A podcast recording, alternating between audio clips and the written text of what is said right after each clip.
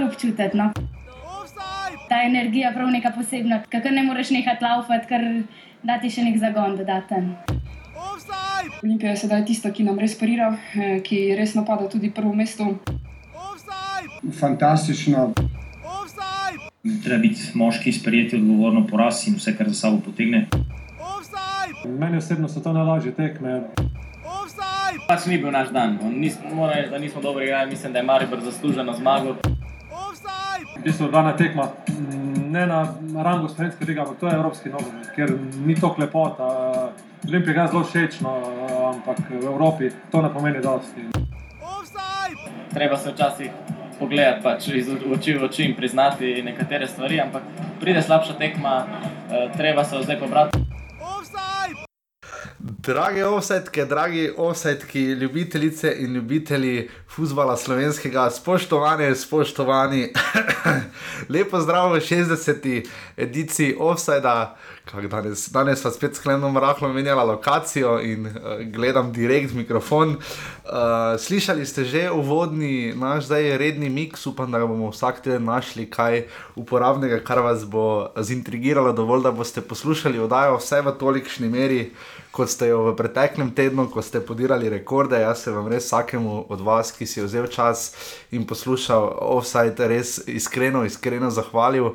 Uh, najbolj bi se zahvalil, seveda, srečo Katancu, ki je verjetno najbolj poskrbel za rekordno poslušanost oddaje. Upam pa, da vas bomo uh, toliko ohranili tudi v bodoče, ko se lotimo tistega, česar imamo daleč, kar imamo, česar imamo, kar imamo daleč najraje v naši oddaji, to pa je prva liga Telekom Slovenije, ampak še raje imamo uh, mojega sovoditelja in soavtorja oddaje, Klemna, Klemen, dober dan, servus. Uh, Klemen, uh, Klemen ni uspel zaradi svojih uh, profesionalnih obveznosti, ni uspel uh, tokrat na derbi, si ga je pa seveda ogledal uh, doma. Uh, Klemen, sicer, uh, kak, kak si sicer najprej povej? Hrvat že boli. Hrvat boli. ja. ja um, danes pa lokacijo menjamo, naslednjič bo spet, eh, če je tokrat zvok malo drugačen, upam, da uh, nič hujšega ne bo zaradi tega. Ampak, Klemen, v vsakem primeru uh, imamo, nimamo novega vodilnega, imamo pa derbi, po katerem se zdi, da nič več ne bo tako, kot je nekdaj bilo, nikoli no, uh, tvoja prva, kar direktno ocena uh, derbija. Uh, Kako si ti videl situacijo in kaj zdaj to pomeni? Ne? Je šel Luka Elzner nazaj v šolo za trenerje, je Darko Milanič najboljši trener, ki ga je Slovenska liga kadarkoli imela, v klepaju, bezno, pomba boja na prašnikarja. Ampak tvoja ocena? Um, pa mislim, da je bila v primerjavi z mogoče kakšnimi prejšnjimi derbi ta tekma malo, mogoče malo slabša, uh, po kvaliteti ni uh, res ponudila tiste res. Res si se zagledati uh, neke navdušujoče predstave. Je pa bila tekma, ki je odločala o marsičem, mogoče tudi to pripomoglo, da je šlo bolj na rezultat, uh, bolj mogoče taka evropska tekma. Uh, na koncu pa je 13. 13. krok, tako da se še ni še odločilo, dva derbija še imamo. Prezgodaj je, mislim, da nekatere napovedi, da če bi Marijo zdaj izgubil, da bi že bilo konec prvenstva, pa zdaj tudi če je zmagal, ni še konec prvenstva. Bi bilo pa, če bi Marijo tak, tako prepričljivo izgubil, to predvsem naporno za Darka Milaniča, bolj kot je trenutno za Luko Erznerja, ki je po šestih zmagah zdaj doživel porast. Ja, tudi uh, ena točka razlike je, da v naslednjih tekmah je pritisk na Olimpiji. Um, za primerjavi z ostalimi, z lansko, lansko leto, ko je Maribor cel čas lovil, uh, lovil Olimpijo, zdaj ima možnost, da Maribor da povede da Marijo proti Gorici prevzame vodstvo in potem Olimpija začne loviti proti rodarju Marijo. Tako da se bo mogoče situacija malo zamenjala in pritisk večji na igrače Olimpije. Najprej sem seveda besedo dal Klemnu, ki je rešil offside pred približno dobrega pol leta nazaj. Ne odkimavati, Klemen, to je dejstvo. Še vedno se spomnim, ko so bila na prvi pijači, jaz sem mislil, to ni šans, da bo šlo, zdaj pa si tu vratove, zvijava za offside. Uh, offside je oddajal v futbalu slovenskem, naši in vaši prvi ligi Telekom Sloveniji eh, in reprezentanci slovenski, oziroma vse povezano z slovenskim nogometom. Uh, Odajo lahko poslušate na iTunesu, SoundCloudu, že dolgo ni bilo nobene, nobene ocene. Bomo zelo veseli, če v iTunesih kakšno ceno napišete. Tudi nekdo je za nadimkom Lame napisal, kar si lahko mislite, kaj je napisal. Uh, sicer pa um, malo se trudiva z Facebookom, najbolj vesela pa sva, če nam pišete na offsetafnourbani.com ali če se oglasite kar priklemno doma. to, je, ta je, ta je, to, to je nov dodatek. Uh, dan, današnja oddaja, kot ste tisti, ki ste jo že si zlodali, oziroma jo poslušate, bo verjetno nekoliko daljša. Namreč imamo kar štiri goste, dva iz uh, tribune, dva pa iz obigrišču. Um, Namreč uh, najprej se bosta o derbiju, ko bo seveda vse že izčrpno povedala Jasin Klemen, uh, razgovorila Blaž Vampel in iz uh, Eastside Supporters Maribor, te, najdete jih na vzhodni tribuni Ljudskega vrta, uh, zelo fajn skupina, nekdaj člani uh, Viol. Uh, potem pa bo še se vrnil po dolgi odsotnosti Matej Klinc Klino, ki je uh, zelo dobro ocenil, uh, kaj ta poraz pomeni za Olimpijo, oziroma kakšen pritisk ali ne pritisk bo to za Luko Elznerja in njegove varovance. Potem pa vam res obljubljam in toplo polagam na srce, poslušajte še pogovora proti koncu oddaje z trenerjem iz začelja. Uh, derbi je bil začelja v Kidričevem, uh, radom je Alumini, dve proti ena so zmagali Kidričani, ampak še bolj sta zmagala oba trenerja, sploh Janez Žilnik vam bo povedal uh, svoje islandske izkušnje in kako bo morda islandsko verzijo uh, nogometa preselil in nogometne miselnosti preselil v radomlje. Boješ Pehonija pa je razložil, kaj je pomenila zmaga proti Mariboru, oziroma ni pomenila in kako se počuti aluminij. Tako da smo pogledali tudi na začelje eh, lestvice in bomo to počeli tudi v bodoče, pokukali bomo tudi v drugo ligo, tudi v žensko ligo in tako naprej. Slišali ste na začetku izjave tako igralke Olimpije kot igralke Pomurja. Uh, derbi je bil včeraj namreč tudi v Beltincih, uh, vsi jajna tekma, uh, kar se tiče priložnosti. Res, če imate priložnosti, pogledajte vse highlights na, te, na TV Slovenija, Simon Šparovec je skupaj s nemalcem in montažerjem pripravil res dobro stvar. Ampak gremo zdaj na najpomembnejšo stvar. Bili smo v 13. krogu prve lige Telekom Slovenije. Um, najpomembnejša tekma je zagotovo bila seveda tista v Ljubljani, 13.770 gledalcev se je zbralo. Um, moral biti še en, pa pač klemen ni mogel. Mm. Ampak vsekakor je fenomenalno vzdušje, uh, kar se tiče nasplošno navijačev. In, uh, uh, všeč mi je bilo to, no, da so navijači Olimpije, kar bo Klinovom potem razložil, da so navijači Olimpije navijali tudi potem, ko uh, uh, so že zgubljali, recimo, večji del drugega, pa če so zdaj proti nič. Klemen, kako si ti videl, predvsem preobrat, ki se je zgodil tam po 15 minuti? Olimpija je navalila, stopila visoko, malo morda prestrašila Maribor, morda ga malo stisnila, ampak potem pa je Maribor zmogel uh, ne samo odbiti ta napad, ampak je se stavil najbolj celovito predstavo v letošnji sezoni. Zakaj? Pa ne vem, mogoče so ti res zadetki najbolj ustrezali po minutah Mariboru, so v Olimpiji pa ravno dobila zadetke v tistem trenutku, ki so mogoče bili ravno najboljši in so jih pač dosti bolj potokli kot drugače. Um, načeloma pa vseeno je bilo 2-1. Um, res je bil Zahovičev zadetek pozno, ampak uh, Olimpija vseeno bi lahko še na koncu koncev izenačila. Ampak zanimivo, Luka je res rekel, da jih je najbolj pri tem so jih držali navijači gor, da če ne bi bilo navijačev, verjetno niti zadetka za dvajna ne bi zabili. Kako si to razlagaš? Ni to rahlo labilno, rahlo. Rahlo ne navadno, no? mislim, da, da, da, da bolj kot menjave, ki so bile, kot je sam Rezner poudaril, bi, bi jih zdaj, če pogleda nazaj, seveda spremenil. Uh, ni to rahlo čudno, da so navijači tisti, ki so v bistvu pripomogli do zadetka, pa malo tudi sodniki, če smo iskreni. Ja, pa tudi viole, ki so letele in s tem uničili zelo ritem. No, da, zdaj, če bi to primerjali, bi res bili od Olimpije navijači, bolj bi so bolj pomagali uh, igralcem, uh, igralcem svojim domačinom, ampak vseeno mislim, da, se, da so pač zdaj to samo pač govoreni na koncu koncev, vseeno pa igralci igrajo. Uh, menjava je pa res, da mogoče najbolj ni trofejo, tudi uh, menjava med polčasom je bilo, ni bila najbolj posrečena, mogoče. Um, Veliko je spet obsedel. Um, primerjavi z četrtim krogom, ko se, so se obe ekipi srečali v Ljudskem vrtu, je Olimpija naredila tri menjave na vrtarskem mestu, ter Bajrič je začel v Ljudskem vrtu, ter Krefl je začel zdaj, uh -huh. ter Velikonja je začel v Ljudskem vrtu in Benko je začel v soboto. Uh, pri Mariboru je pa menjava samo Sani. In uh, Tavares, tako da ena menjava prvi postavi. Tako da dejansko na, na, na klobi Olimpije je bila trenerska menjava, tri menjave v, v polju in uh, dve menjave v polju, ena golo, pa v, pri Mariboru ena menjava. Tako da dokaj podobna zasedba je igrala v obeh tekmah. Uh, mislim, da to ni na ključe. Da imajo bolj tisto prvo ekipo, katero ima drži, ostalo na ostalih uh, tekmah rotira. Tudi mislim, da bo zdaj v, proti, proti Gorici v pokalni tekmi, ki sledi v uh, bo sprememba, uh, bo, bodo rotacije. Ne? In uh, vprašanje pa, koliko lahko si Olimpija za privošči teh rotacij. No? To bomo pa videli, vsekakor. Uh, Presenetila je nekoliko bolj kot sama postavitev. Jaz sem jo prvič zadeval, ne vem, če se mi kdaj zgodilo, da sem postavil zadevo iz prve, ker vedno nekaj zvališ, oziroma se vedno potem nekaj zgodi, če se pač nimaš nujno pogledal v slačilnico. Uh, ampak je zanimivo, Maribor je naredil v teh tednih, v tem tednu in pol reprezentančnega premora. Uh, je naredil neverjetno razliko pri kondicijski pripravi. Če pogledamo samo Markoša Tavaresa, ne, za katerega smo letos nekako ugotavljali, da kondicijsko ni dovolj močan, je tokrat zmogel neverjetno, neverjetno tekaško sposobnost, je imel in tudi prispeval dve asistenci za del prečko in tako naprej. Zakaj, kaj, kaj, kaj se je v Mariboru tako fejst spremenilo? Tudi ne na zadnje Darko Mila nič ne zadovoljuje s tistim, kar sam pravi. Če bomo dobro delali, bomo dobili aplaus.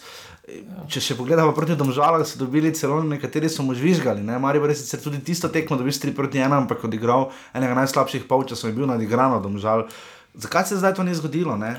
Ja, vseeno so dobri formi, vseeno je 8 tekem, uh, že, oziroma 8 plus zdaj, ta še tekma, torej 9 tekem so brez poraza, tako da vseeno nisi, nisi malo dober, uh, mislim, da en remi samo mi zbil. Uh, Tako da je forma vseeno pripomogla, po mojem, temu, k temu zelo. No. Zraven tega so igralci se spočili, um, dosti reprezentantov tudi eh, ni igralo, uh, tako da vsi ti, ta prva postava, dejansko Maribora je se spočila, uh, se je pripravila na, na to tekmo, mogoče rešme edino. Um, vsi ostali so bili doma, zdaj so se dobro pripravili. Olimpij, mogoče se ta reprezentančni premor bolj poznal. Ne? Ampak zakaj ne? Korona veter je tako zavlestev proti Slovaški. Ne? Miha Zajec, recimo, ni dobil priložnosti za reprezentanco. Ta interni reprezentančni derbi je Mari Borz na skokom dobil, res pa je, da so zabili. Vse štiri zadetke so zabili reprezentanti, tudi Luka Zahovič je, mlade, je reprezentant mlade, člane, mlade izbrane vrste. Uh, zakaj je ne, Aleks Pihler je tu napovedal resno tekmo, resno, resno kandidaturo tudi za mesto v reprezentanci na igrišču, ne samo da je poklican, pa Mili Vojno Vakovič je tudi imel zelo dober obračun. Ja, je pa res, da mogoče Mari Borča nam ustreza ta stožica. Ne? Zelo. Že nekaj, že nekaj časa vidimo, da pridejo čist drugačna ekipa, so v stožicah. Tudi uh, v lanski sezoni smo videli, da so obrnili rezultat. Uh, v stožicah imajo do zdaj 7 zmag, 6 remijo in samo 2 poraza.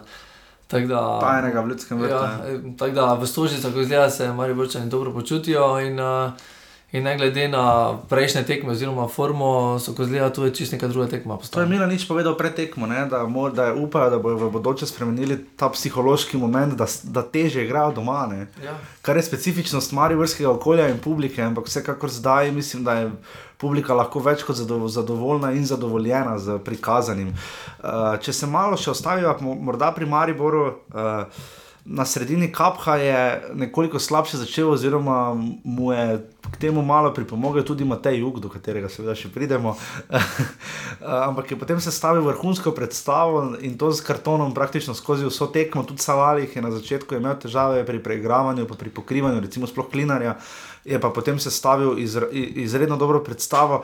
Um, ta, ka, Mila nič si samo ugotavlja, da Mila nič to je tvoja teorija, da mi nič marajo manjše število igralcev.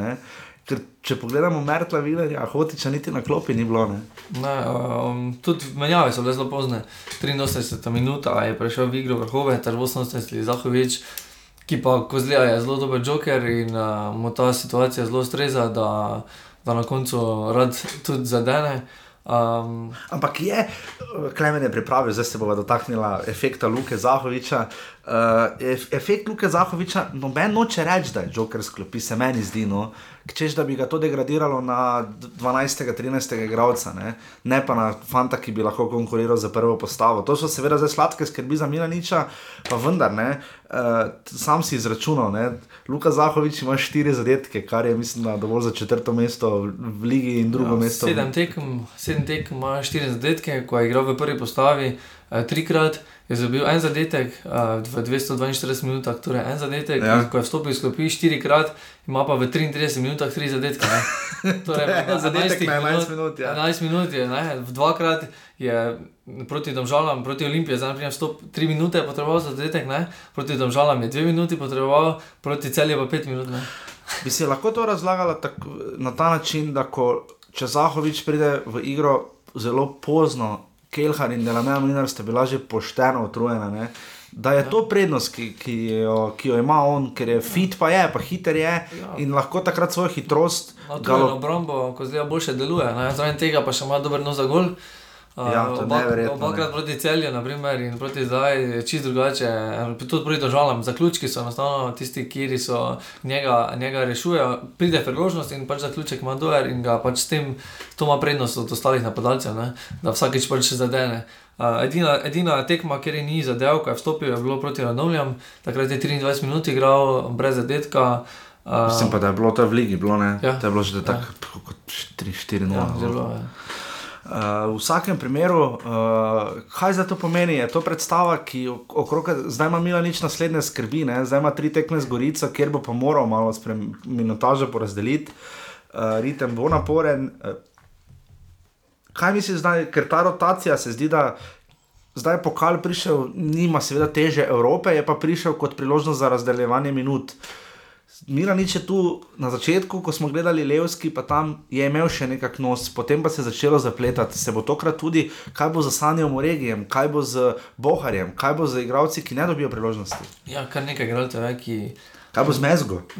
Ja, ki ne dobijo tako priložnosti. Je bil pa na klopi. Ja, vse nekaj ne.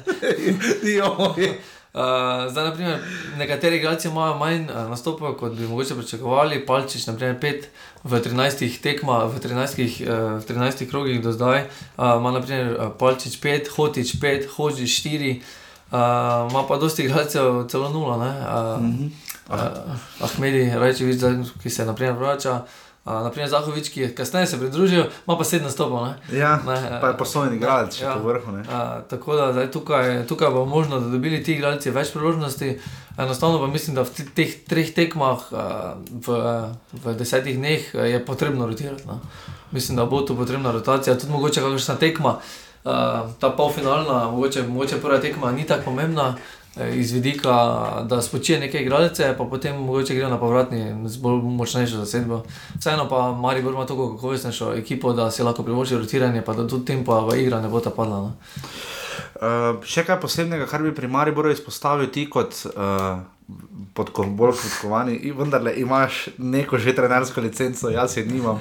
Uh, je tukaj posebnega pri sistemu, Mila nič traja pri rombu. Uh, Uh, kar na pihlere tokrat ni slabo vplivalo, večkrat smo izpostavili, da romp, če potisne pihlere na desno in potem še imaš meja, ki ni tako napadalno smeren kot recimo Palčič, da zna to biti problem, hvala za zehanje.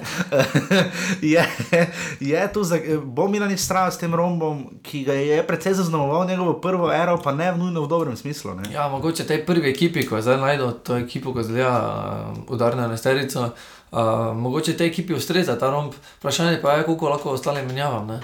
Če lahko to enako vredno igrajo, uh, smo videli, da Sani naprimer, igrajo na prvem derbiju zelo desno na krilu, vprašanje, če lahko zdaj tako igra. Ne, in enostavno uh, bomo videli, kako bo ostalim ustrezalo ta, te zamenjave. Uh, dejansko pa vprašanje, koliko sploh zamenjav, naprimer za vršiča ima, naprimer, uh, ki, se, ki se zelo najde v tem za napadalcem in mislim, da Maribor zamenjave za njega, tudi če ga želijo spočiti, mogoče nima in mogoče bo prisiljen pa spet v spremembo sistema. Ne bomo videli, zdaj se bo v tem Mariborskem bloku razgovoril Blaž Vampel, ki vam bo razložil, eh, kako je on videl uh, srečanje, kaj to pomeni, kako bo Mariborska publika sprejela Darka Miraniča. In uh, kdaj, kako je bilo leta 1994 na prvi tekmi, in kako je imeti deset let slovensko šolo. Tako premjerno v Offsideu gostuje eden izmed naših najzvestejših uh, poslušalcev. Uh, ki vedno pride prav, uh, ko pade v nema, kar se tiče delovanja podcasta in tako in vsega ostalega še za naprej. Po vrhu sem ravno kar zvedel, preden smo začeli pogovor, da uh, hodi na tekme od leta 94, kar je približno nekje takrat, kot tudi jaz, kar se ljudskega vrta tiče. Sicer pa ima že deset let sezonsko stopnico v ljudskem vrtu, uh, kar je res zavidljiva uh, doba in dvomestna številka, ne? tako kot klubi dobijo zvezdico za deseti naslov uh, v državnih prvenstvih. Mislim, da si jo zasluži tudi današnji gost, Blaž Vampel, Blaž, lep pozdrav. Lepo pozdravljen. Uh, Blaž, uh, razlogov za zadovoljstvo je.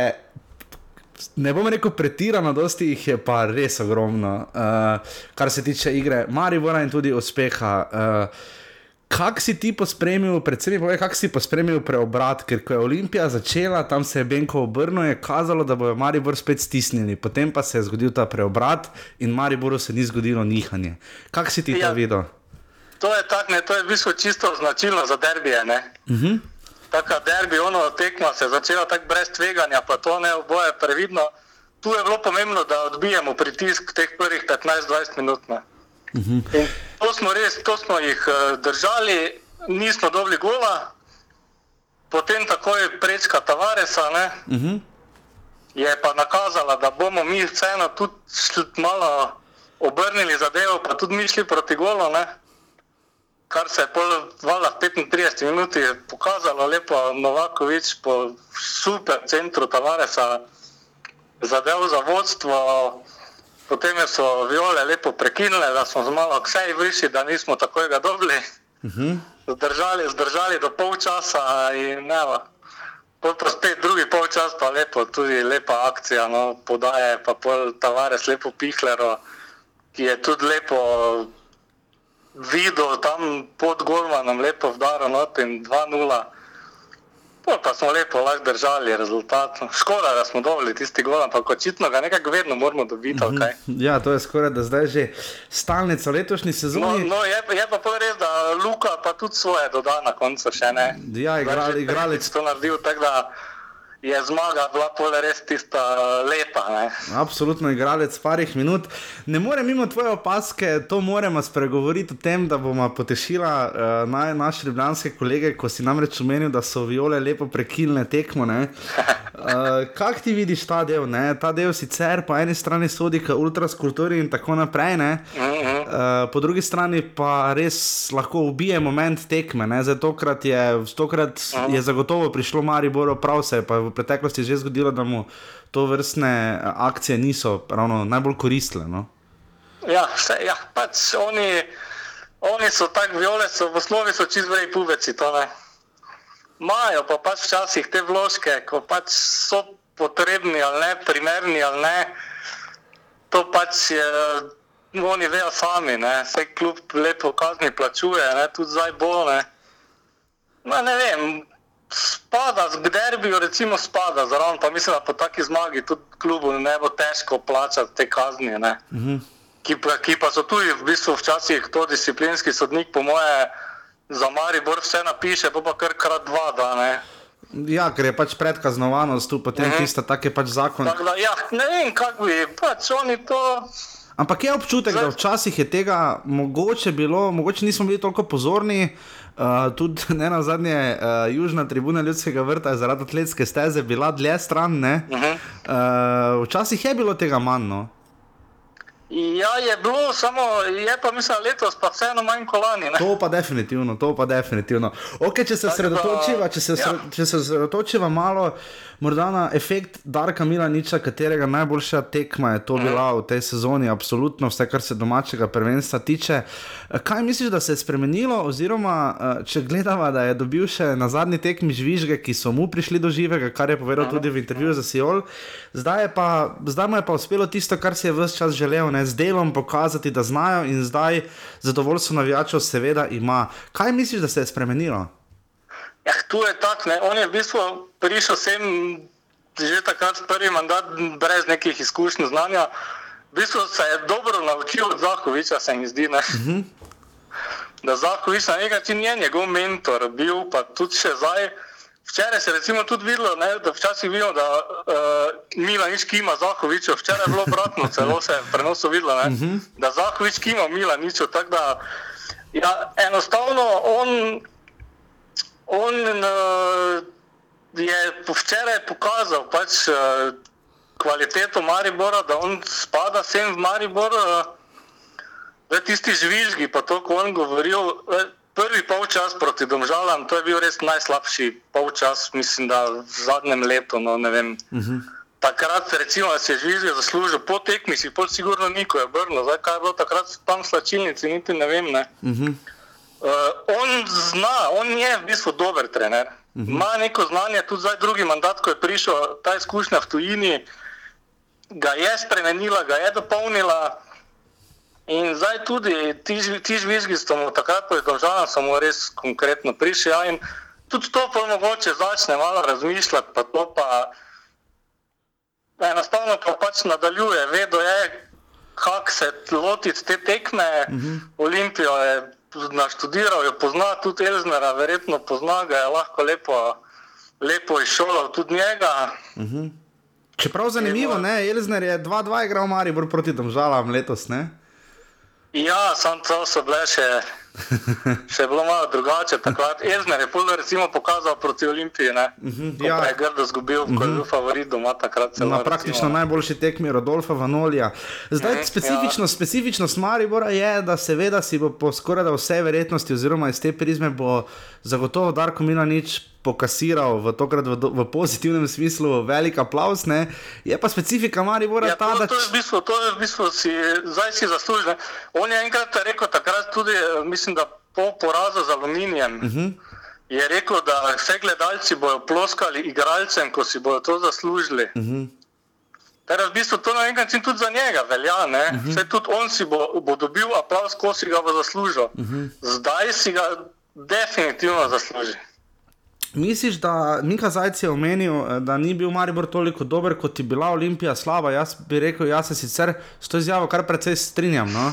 Moram reči, da ne, me, ne bi rekel, ne. ne bi. Misliš, Mislim, da je Maribor je bil dober, boljši, da je enostavno toliko boljši, toliko dober.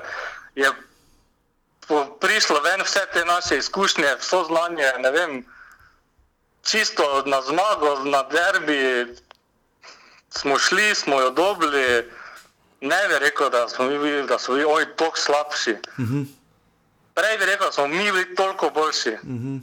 Kar se je pokazalo. Ne?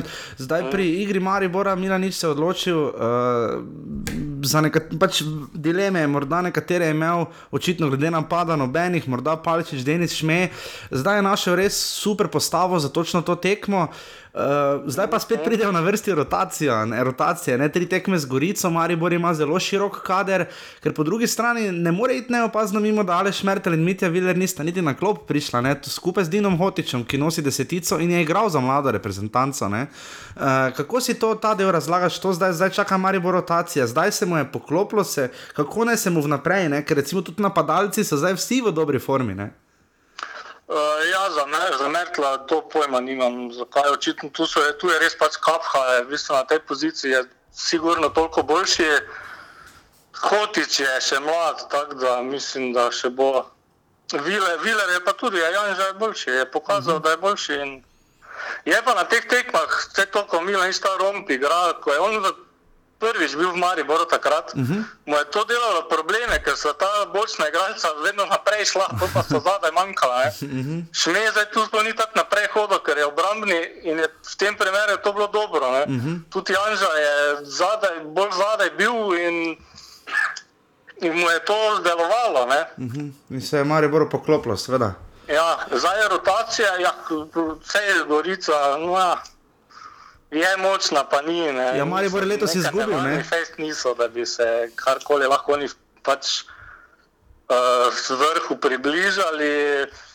Ja, Mersla bi bilo dobro videti. No. Mhm, ja, ker tu je, tu je neka cela plejada igralcev, ne? tu je ne na zadnje Sanjo Moregi, ki je še vedno prvi strelec eh, kluba v letošnjem sezoni mm. lige. Mm. Kako si ta del razlagaš, oziroma nasplošno rotacijo? Včeraj smo znova videli vstop Blaža Vrhovca, ne Blaž Vrhovec je prišel definitivno kot večji adut v primerjavi recimo z Aleksom Pihlerjem. Zdaj pa, zdaj... Ampak. Uh...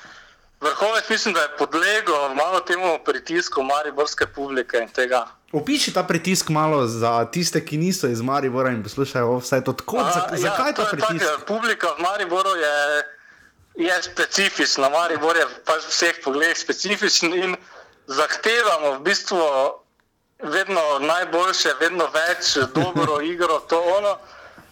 On je prišel iz celja, tam valjda teh pritiskov ni. Tu v Mariboru je tudi več publike, je bolj, tako bolj zahtevna. Ja. Uh, enostavno, ne vem, dve, tri podaje na robe, pa prije prvi živišk, pa to, pol kakšne kritike na forumu, pa to in ene igralce se to bolj dotakne, ene ne. ne. Mhm. Kak si sam, rekel- sam zdaj že dovolj dolgo hodiš na tekme, uh, včasih se je nekako poznala razlika, pa še vedno malo se med recimo zahodno tribuno Ljudskega vrta, južno in pa vzhodno, ne? pri recimo pod spodbujanju po napakah. Uh, ja. Ja. Kak ti sam ocenjuješ ta pritisk, oziroma uh, na forumu lahko beremo, pa tudi sicer v živo slišimo dosti krat, uh, tudi na zahodni tribuni, da zdaj navijači nekako lovijo to mejo med med potrpljenjem in upravičeno kritiko. Ne? Kako je to recimo na vzhodni tribuni, eh, tam, kjer si ti na Eastside Supporters, eh, kdaj, kdaj se potrpljenje lahko, oziroma kdaj pre, se prestopi meja, da se potrpljenje prelevi v kritiko? Ja, uh, v bistvu ti pretekli uspehi, logično, so tudi razvadili publiko. Ne? Si želi, da smo mi skozi prvaki, pa skozi Evropo igramo, pa tako dalje. V bistvu bom tako rekel, pu, publika v Mariboru, to, to včasih uh, Zahovič pozablja, se mi zdi pa tudi Mila nič. Uh, Mariborska publika se spozna na nogomet, uh -huh. sploh tukaj na, teh, na vzhodu pa to in enostavno uh, ta meja, v bistvu hm, proti domžalam so sigurno pretiravali. No? Uh -huh. sploh, sploh po koncu tekme, ker smo zmagali, ker smo obrnili rezultati. In takrat si to Mila nič rečil, si ni zaslužil. Ne? Uh -huh. uh, enostavno razvajenost in ko ne gre, tu so zdaj ti mladi zraven prišli. Vala, en vrhovec Filipoviča ne more takoj tako nadomestiti. ne. Filipovič je vseeno bil boljši, dober igralec, logično. In tu se pač, tu pač eh, niti ne pogledajo prav, ne, mogoče kdo igra ali pa kaj, kdo je to pač vidi tam na igrišču, napačno podajo vsem tja in reagira, ker je jezen. Ne.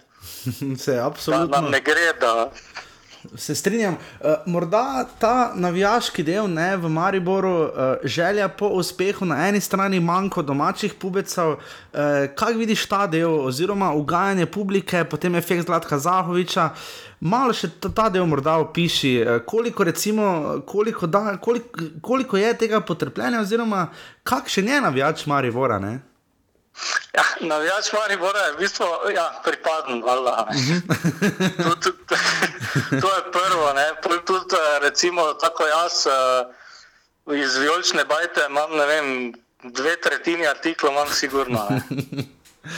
Ja, tudi to spada zraven. eh, Zahovič, vemo, je Mariborčan, ga imamo radi, čeprav tudi dela napake, ampak vseeno je on je nekaj posebnega, skozi bil je še vedno in uh, valjda še ima podporo, ogromno ima kredit tudi. No.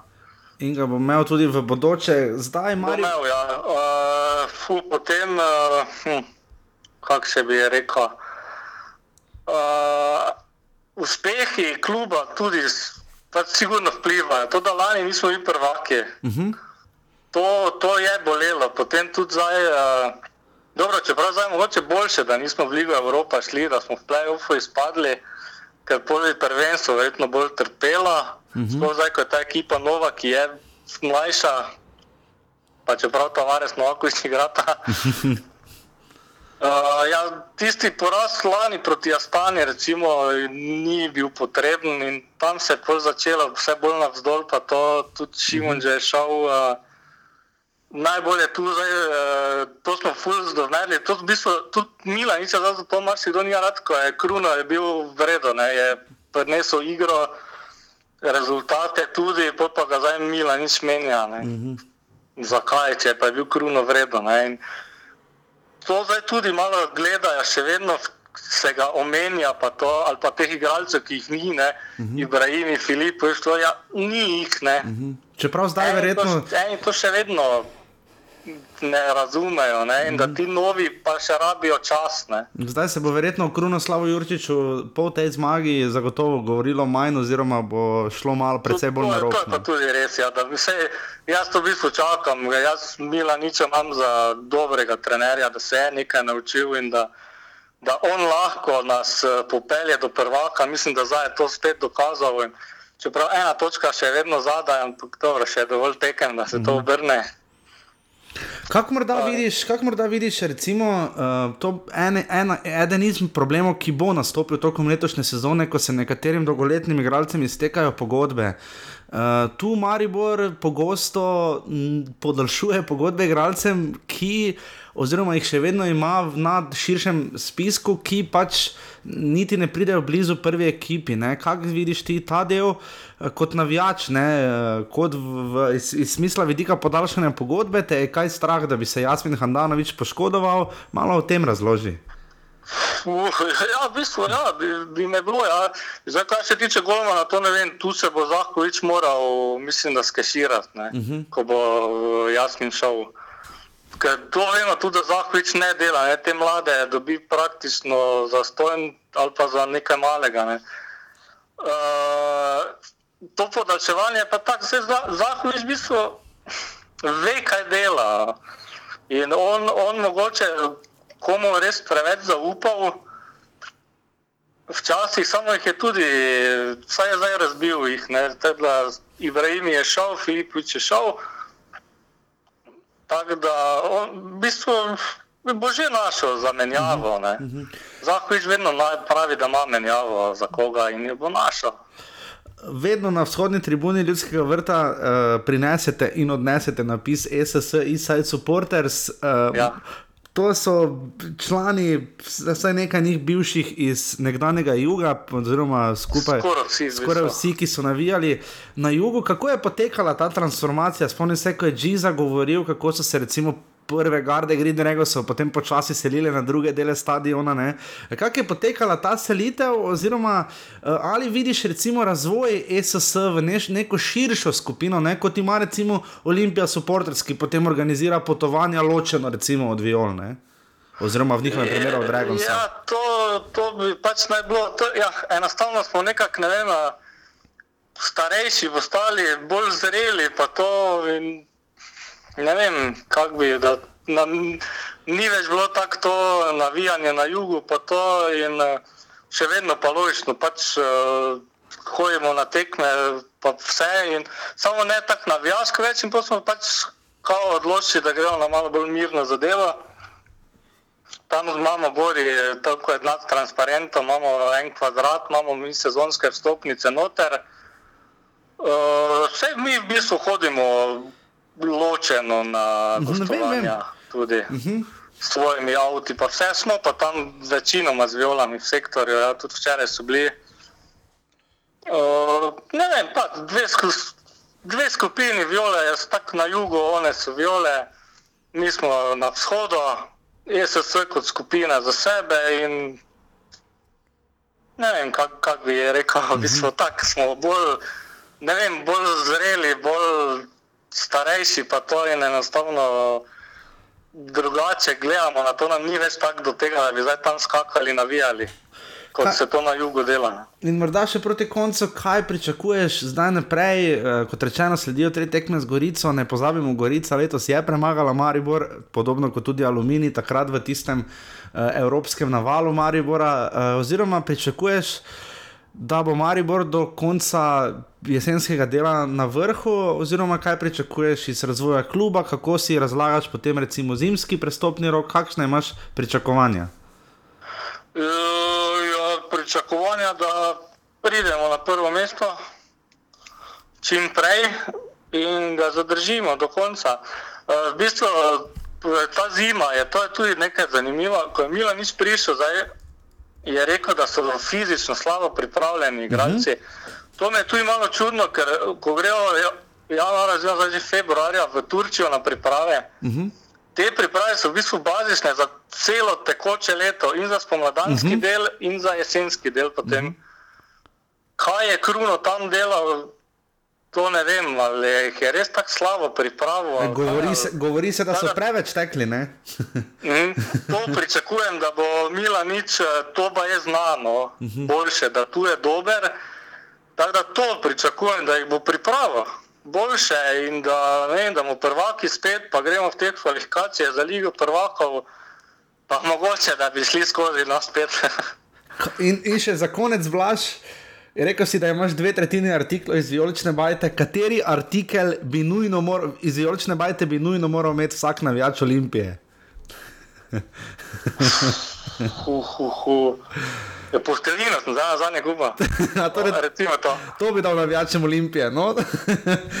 ja. uh, Blaž, najlepša hvala, da si gostoval v 60. offsetu, z veseljem še kdaj. Uh, upam, da bo. Uh, by the way, no, uh, ti si transparent, uh, dobri ste, da ga zaupate nekomu, da ga ne založi nekdo. Ne? Uh, ja, imamo svojega človeka, ima skozi nahrtnik zraven, pa to tudi doma, ga hrani, ga pere. Eno, Blaž jih je lepo skrbi za to. No, Blaž, najlepša hvala, da si bil v gozdu offsajdu in z veseljem še kdaj. Ne? Ja, res upam, da še kdaj, ker v bistvu Jaša dobra oddaja je, jo z veseljem poslušam, logično in uh, upam, da boš res nadaljeval s tem, vse bomo ti pomagali. Pa, ja, samo tako naprej. A ja, pa še nekaj moram ti. Uh, Čestitati moram za blokado od NZS profila. Najlepša hvala, to moraš bolj, bloki to bolj blokirati. Čestitati uh, tistim, ki so to naredili, ampak najlepša hvala. Ja, samo, samo to je tvoja zmaga na nek način. Tudi od blokada, okay, to, je, to si ti v bistvu pokazal nekak, uh, da si boljši kot oni. No? To bomo videli. Blaž, bo vzeto na znanje, najlepša hvala. Smo na vezi in se slišimo ob priliki. Čau! Ja, hvala. Ja, ja, ja versumljam, da zbog nogometa samo ti svake nedelje popodne ideš tamo, kad je zima Tako to je bil Blaž Vampel, upam, da vas je uh, zadovoljil, potešil in upam, da bomo še več uh, navijaškega pridiha našli uh, v offsajdu, tako navijaške, ker bi radi res zajeli čim širši spekter uh, eh, futbalske. Uh, eh, Zdaj, da je en predelnik realnosti, kakorkoli. Pa čim večji del futbola bi radi zajeli in upam, da bomo našli še več takšnih navijačev, kot je, uh, kot je bil Blaž. Tako da, Blaž, hvala, da si si vzel čas. Zdaj gremo na Olimpij in blok. Uh, pri Olimpiji uh, 10 minut, 15 minut pritiska, Leon Benko obrat, Handanovič obrani, potem pa razpad sistema. Uh, veliko prostora sta sicer imela, tako Krefl kot Klinar na bokih, ampak nekako niso točno vedeli, kako naj udejanjajo to fazo pritiska. Uh, najprej je izbira Leona Benka za takšno igrišče. Igrišče je bilo, nima bi bilo res kruto reči, ampak uh, igrišče se je ogrezalo in težko za igrati. Leon Benko, ko ga pogledaš tako živo na igrišču od blizu, je res težek igralec, pa Miroslav Radovič varianta. Ampak uh, ja. za visok pritisk, ki ga je Elzner želel, verjetno Benko je zadnji tip igralca, ki bi kaj takega lahko dejansko. Ja, ko smo pri igrišču, je zelo zanimivo, da ne glede na to, da sta bila dve, dve tekmi na visokem nivoju bi nekdo pričakoval, da bo vse na igrišču malo boljšem stanju, pričakalo zdaj prvo ligo, ampak ja, malo težje je bilo za igrati. Ampak veš, kaj je bilo zanimivo, pretekmo. Ne?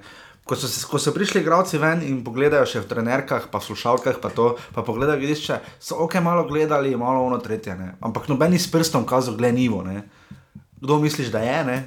Ja, ko so prišli ven sodniki, ne, pa jug kazal s prstom tam, tisto, ono, tretje. Jaz razumem, da je sodnik tisti, ki mora biti bolj pozoren, ampak z dvignjeno brado, če še gledate na kakšni nivi, moram jaz soditi. Ne. To je zgolj, zgolj opomba do Mateja Juga in njegovih dveh pomočnikov, uh, Vukana in Žuniča, še pridemo. Ampak, uh, Klemen, uh, potem blaso pri Leonu Benku, uh, zakaj straja z Benkom v, na, v golem, tistem špica špic napadu? Leke je pa na bok, za kar več kot očitno ni. Ne? Mene bolj preseneča, da je veliko njih na klopi. No. Uh, to je za mene preseneča. Jaz sem pričakoval, ko so se odločili za prihod Benka, da bodo vsi trije odigrali. da bodo vsi trije igrali v prvi postavi, da se mogoče tudi sistem spremenil na Da bo 4-3-3. 4-3-3, ne? Da bo 4-3-3, da bo Benko, Leke pa Velikonja Ker napadal. trenutno pa je sistem Olimpije kakšen, ker Klinar in Krefl še vedno, sploh Klinar, kot da bi še vedno igral 3-5-2. Ja, ne vem. Uh, pač, zdaj je tu, uh, Kirma se ne more posesti in, uh, in se pač mora z njimi igrati, ko zdaj jaz bi pač na, drugače pač gledam na mogoče neke stvari, da bi v. v Ker Kirm pa teži 4-3-3. Tak, Ja, ampak potem izpade krono veter zajec, ne, če gledamo, da mači Nazaj, ne. zadnji vezni. Ne. Ampak tu so zdaj pač dileme, ko zdaj pač uh, Elžir vidi drugače stvari. Uh, je pa spremenil nekaj, mogoče igralci so tu nekje, ampak je spremenil formacijo v primerjavi z Vanoljem. Najpomembnejše vprašanje te je presenetilo, da Luka da ni imel kravate. Ne, pa ima dore, eh, dore eh, kako se to reče? Šuhe? Šuhe, ja. Tega nisem bil pozoren, kakšne pa je imel. Italijanske. A ja, no. Klemen Floriančič, dame in gospodje, okay. uh, bila sem pri postavitvi, zakaj sta korona veter in zajec tako daleč od gola, da sta predaleč. Ne? Ja, vprašanje je, tudi s tem ima Olimpija težave doseganja zadetkov. Vseeno so zadeli komaj 20 krat v 13 krogih, kar je nekdo bi mislil, da je malo, ampak primerjavi rodar na sedmem mestu zadel 18 krat. Ne. Pa Maribor 25. Ne? Pa Marijo 25, držale 28. Uh, tako da zdaj, uh, zdaj, jaz sem pričakoval več zadetkov, glede na to, da imajo uh, napad Eleke, Velikonja, uh, Benko. Um, Podobna situacija je kot pri slovenski reprezentanci, da je dobra vezna linija. vprašanje Zelo podobno je zabijati, Olimpiji. Ne, ne gre zabijati. Um, mogoče si vsi pričakovali, da, da bi zamenjali vloge Benko in Velikonja na tej tekmi. Mhm. Potem je dal še v obaja noter in iz- Njegov efekt je bil res. Ja, mali, ja. Težko reči, mali, že skoraj da kontraproduktiven. Ne, Denis Šmeje oba pospravijo tako Eleke, kot potem v obaja in Velikonja je imel tu več vpliva na igro, više se Olimpija postavlja. Ne. Ne moremo pa mimo dejstva, da je Olimpija dala po vsej verjetnosti gol iz konkretnega offsajda, res konkretnega offsajda, res da se je megla spuščala, bakle so zelo naredile. Jaz ne bi mislil, da se je od bakle tako poznala, ne, na koncu je res bila megla, ko si se peljal domov, je res bilo megleno, mislim, ljubljena megla, to je tako enkrat ena, ne, ampak. Uh, Nekako se je zdelo, da, da Olimpiji je zmanjkalo za tisti pritisk, pa kljub menjavam, ne, recimo tudi efekt Darren Matič, Daniel Miškič. Ne, jaz sem nekako smo pričakovali, nekako ko smo se med počasom pogovarjali, je bila tudi ena od misli, da je Elizner malo v tem obrcnil, da ni Brian Miškiča poslal igro. Ne. Ampak kaj smo potem videli, kako si ti videl menjavo Matič Miškič? Mislim, da, ja, da, da so premalo. Mislim, da je bila zamenjava pozicije za pozicijo. Mislim, da bi mogli bolj uh, ofenzivno iti uh, v tekmo, nadaljevanje tekme, sploh po tistem drugem zadetku pri 2-0. Uh, nimaš kaj izgubiti, na koncu konca pa so izenačili, ne? malo po sreči. izenačili, Mislim, znižali, ja. znižali, znižali. Po sreči, roka, offside, Ja. ja. verjetno marsikaj še ne. Ampak vseeno so bili, so bili nazaj, mogoče v tekmi. Ampak pol čisto so se izgubili, po Priložnosti je bilo malo, tako bomo rekli, malo priložnosti na obeh straneh. Uh, tekma, tako sem že omenil, mogoče ni bila najbolj gledljiva. Je bila pa tempo, je bil pa visok. No, to... Ja, ampak priložnosti tistih. Res priložnosti pa ni bilo veliko, Ni bilo ja. ogromno, da, da bi imela tudi vratarja ogromno kaj za braniti. Um, tudi pri zadetkih sta bolj malo lahko naredila, kaj ne. Uh, sploh uh, Vodišek sploh, vodišek, sploh pri prvih dveh ni mogel nič. Tam pri tretjem, zadnjem, če rečemo, če bi ga Ja, Zahovič ja. pri tretjem zadev, druge možnosti ni imel. ne. Um, Ok, gremo situacija, da je Lamea Mlinar, ne, uh, tako na začetku je malo v drugem času pritisnil, to je presekalo Olimpijine, kakršne koli načrte, presenetilo me, da je Olimpija tako medlo krenila v drugi polčas, glede na prvega. Ne, ponavadi se, si, ponavadi ja. se to ponovi, tokrat se ni. Tam je Antonijo Delamea Mlinar, je igral z roko ali ni igral z roko. Ne? Jaz sem posnetek gledal, ker meni se je na igrišču, jaz sem se kar zadrl, da so me pol ljudi na novinarski tribuni pogledali, jaz sem pač rekel, lao gremo kar domov. Ne? Zato, ker pač brez veze nima smisla, ker meni se je res delo, kot da je odnesel ne? z roko. Ne? Mila nič je to tudi povedal, recimo. Tvoje, tvoje opažanje? Ja, mislim, da, da če bi bil remi, bi se še malo več govorilo o tej roki. Tako pa je bilo 3-1, Maribor pač seveda ni potreboval, mogoče zdaj tega penala, ne, ampak vseeno. Uh, imeli bi kaj več za debatirati, če Maribor Vidi ne bi pa se, odnesel kakšen tripla. problem so te roke. Ne? Vsakega, ko roka zadane, bi levo, desno imeli vsi penale. ne. Um, pri Mataju Jugu, mogo- mogoče zdaj obdelajva. eh, Že Robert Vukan je, mislim, da je bil, prvi pomoč, je bil drugi pomočnik, ni videl situacije pri golu Olimpije, še bolj se je blamiral Matej Žunič, ne, ki je oba veva, da ponovadi zdaj sodniki res počakajo za zastavico, prednjo dvignejo. Ne. Tu pa je kapha podal kaphi ne, in tu res vse da ni. Ja, tukaj je bila, um, tu nekateri igralci so se mogoče tudi z Olimpije že ustavili, uh, mogoče se je malo res prehitro dvignila, dejansko Je offside- je bil to inteligenten, ne? Ja, dejansko, ja, da je stekel dalje, ne, dejansko offside ni bilo, ne, ker, ker je bil pasiven, eh, saj je stekel mimo žoge. Po strani, ja. ja. mimo žoge, seveda na prvi pogled. Je kot da bo šel, ja, ampak je šel bek, da ja, ko je bil, ampak, videl. eh, Potem pa, potem pa se akcija čisto drugače razvija. To je neka izraelska finta. Ja. ne razumemo. Ja, ja, ker je res tako malo bizarno. ne. Ja. Pač res je opazno, da se na derbiju Salalih je spet bil tu udeležen. Spomnimo se ga na prvem derbiju, ko smo računali, ali je glava ali noga, eh, če igralec leži na tleh. Res so specifične te situacije na derbiju, kaj pa kriteriji. Ne?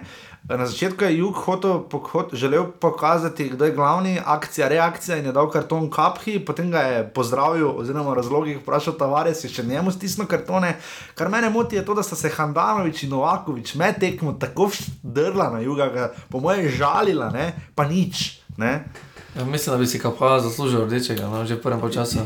Um, jaz, sem, jaz sem bil presenečen, da še drugem času. Da je sploh igral, ja. Da je sploh igral, da ga niso zamenjali, ker je bil, po mojem mnenju, od rdečega uh, oddaljen samo en prekršek. Ne? Ampak jug se, jug se boji, potem jug do ene točke se mi zdi, da zna.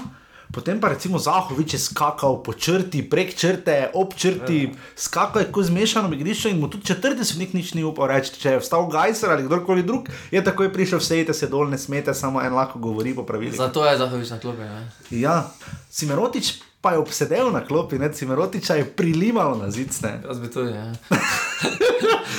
Še bolj pa nas je čudilo, recimo tam, ko je Handanovič ukradel 40 sekund, vse da bi bil rumeni karton, ne? ampak tam je Handanovič res ukradel ogromno časa in ja. dobil karton. Luka Elizner pa nič, prekrižanih rok. On je tak, take vrste trener, ki se ne razburja ravno, izbira lepe besede, eh, ne uporablja kletvic, eh, res poskuša biti nek gentleman na igrišču, ne, hoče biti nek vzor. eh, Ja, samo to je derbi, Ja, ni. ne modna pista. Ja. To je vreme. no, ne, ampak če tu malo razdelava, Elzner je rekel, da pač. a, Da, so, da igralci so imeli, ko je pač eno vprašanje, če on ni dovolj zrel še za derbi. ne. Uh, namreč moja teorija je, da je Luka Elzner še vedno ni našel recepta za Maribor, težava je, da je zdaj trener Olimpije, ne domžal, in da, so, da je Olimpija igrala nevarno, podobno temu, kakor so igrale domžale v zadnjih sezonah, se, se, ne, se ne zdi, ja, tu sem preveč pavšalen. Pa, ja, ne vem, možno da za, za oceno Elznera, vseeno do zdaj, do te tekme je bila ocena Elznera zelo visoka, brez poraza. Uh, mogoče bi na kaj tekmah, mogoče malo slabši, ampak vseeno so osvojili ogromno točk. Uh, zdaj kritizirati pa eni tekmi je vprašanje, če sploh zdaj. Ampak je on trener za velike tekme, on je rekel, da igralci so veliko takih tekem odigrali. Dejstvo je, da ga Luka Elzner pač nikoli ni derbija igral, mislim, v, ja, pač, kot trener. Ne? Glede na starost je mogoče res malo mlajši, malo mlajši od uh, Milaniča in Milanič, kot ima tudi več izkušenj. Videlo se je, da je zašmeja dal za razlogom tja. Uh, da je tisti efekt uh, presenečenja je takoj prijezen odpadel, uh, tudi, tudi na pol časa ni tretrofo z obojem. Um, mogoče se še tudi tako od igralcev mora tudi ezner nekaj stvari naučiti. Kak si videl, Andraža Kirma? Le, odlično. Mislim, da up, moram vprašati katanca. Katanca sem jaz, eh, ko sem se ozrl nazaj, tako med vsemi glavami, ko tako pogledaš prej tribune na VIP tribune nazaj, res katančeva glava, tako ven štrlela, tako zelo nasmejan je bil. Ne. Sem ne zakaj biti, ne, zato ker je. Uh, njegovi reprezentanti, štirje, ki so bili v člansko reprezentanco poklicani, so res dobro uh, odigrali, precej. No, zdaj, ne, ne morem reči, da je Miha Zajec imel dobro tekmo, pa Kronaveter je sicer dal gol, ampak vseeno ne, se vidi, da res je lepo videti, da imamo toliko slovenskih igralcev še vedno na kupu. No, kar smo se lani malo bali ob prihodu Radoviča, pa je Lekeja, da bo potem malo vse skupaj zamrlo. Ne. Čeprav pri Mar Maribor ima absolutno več tujcev v ekipi kot v prvi postavi kot Olimpija. Ne. Ampak uh, vsekakor mislim, da v Mariboru smo lahko predvsej bolj zadovoljni, govorim lokacijsko, uh, so lahko zadovoljni v klubu Venka Mariboru kot v uh, Ljubljani. Uh, kako točno pa je v Ljubljani vse skupaj uh, pospremila javnost, oziroma najbolj zvesti navijači, vam bo pa povedal Matej Klinc Klino, uh, ki je že včeraj prišel bolj k sebi, ko smo se pogovarjali, danes je pa najbrž že dovolj nasmejan, da komaj čaka jutrišnji pokalni obračun. Tako razbrca se bo Matej Klinc Klino.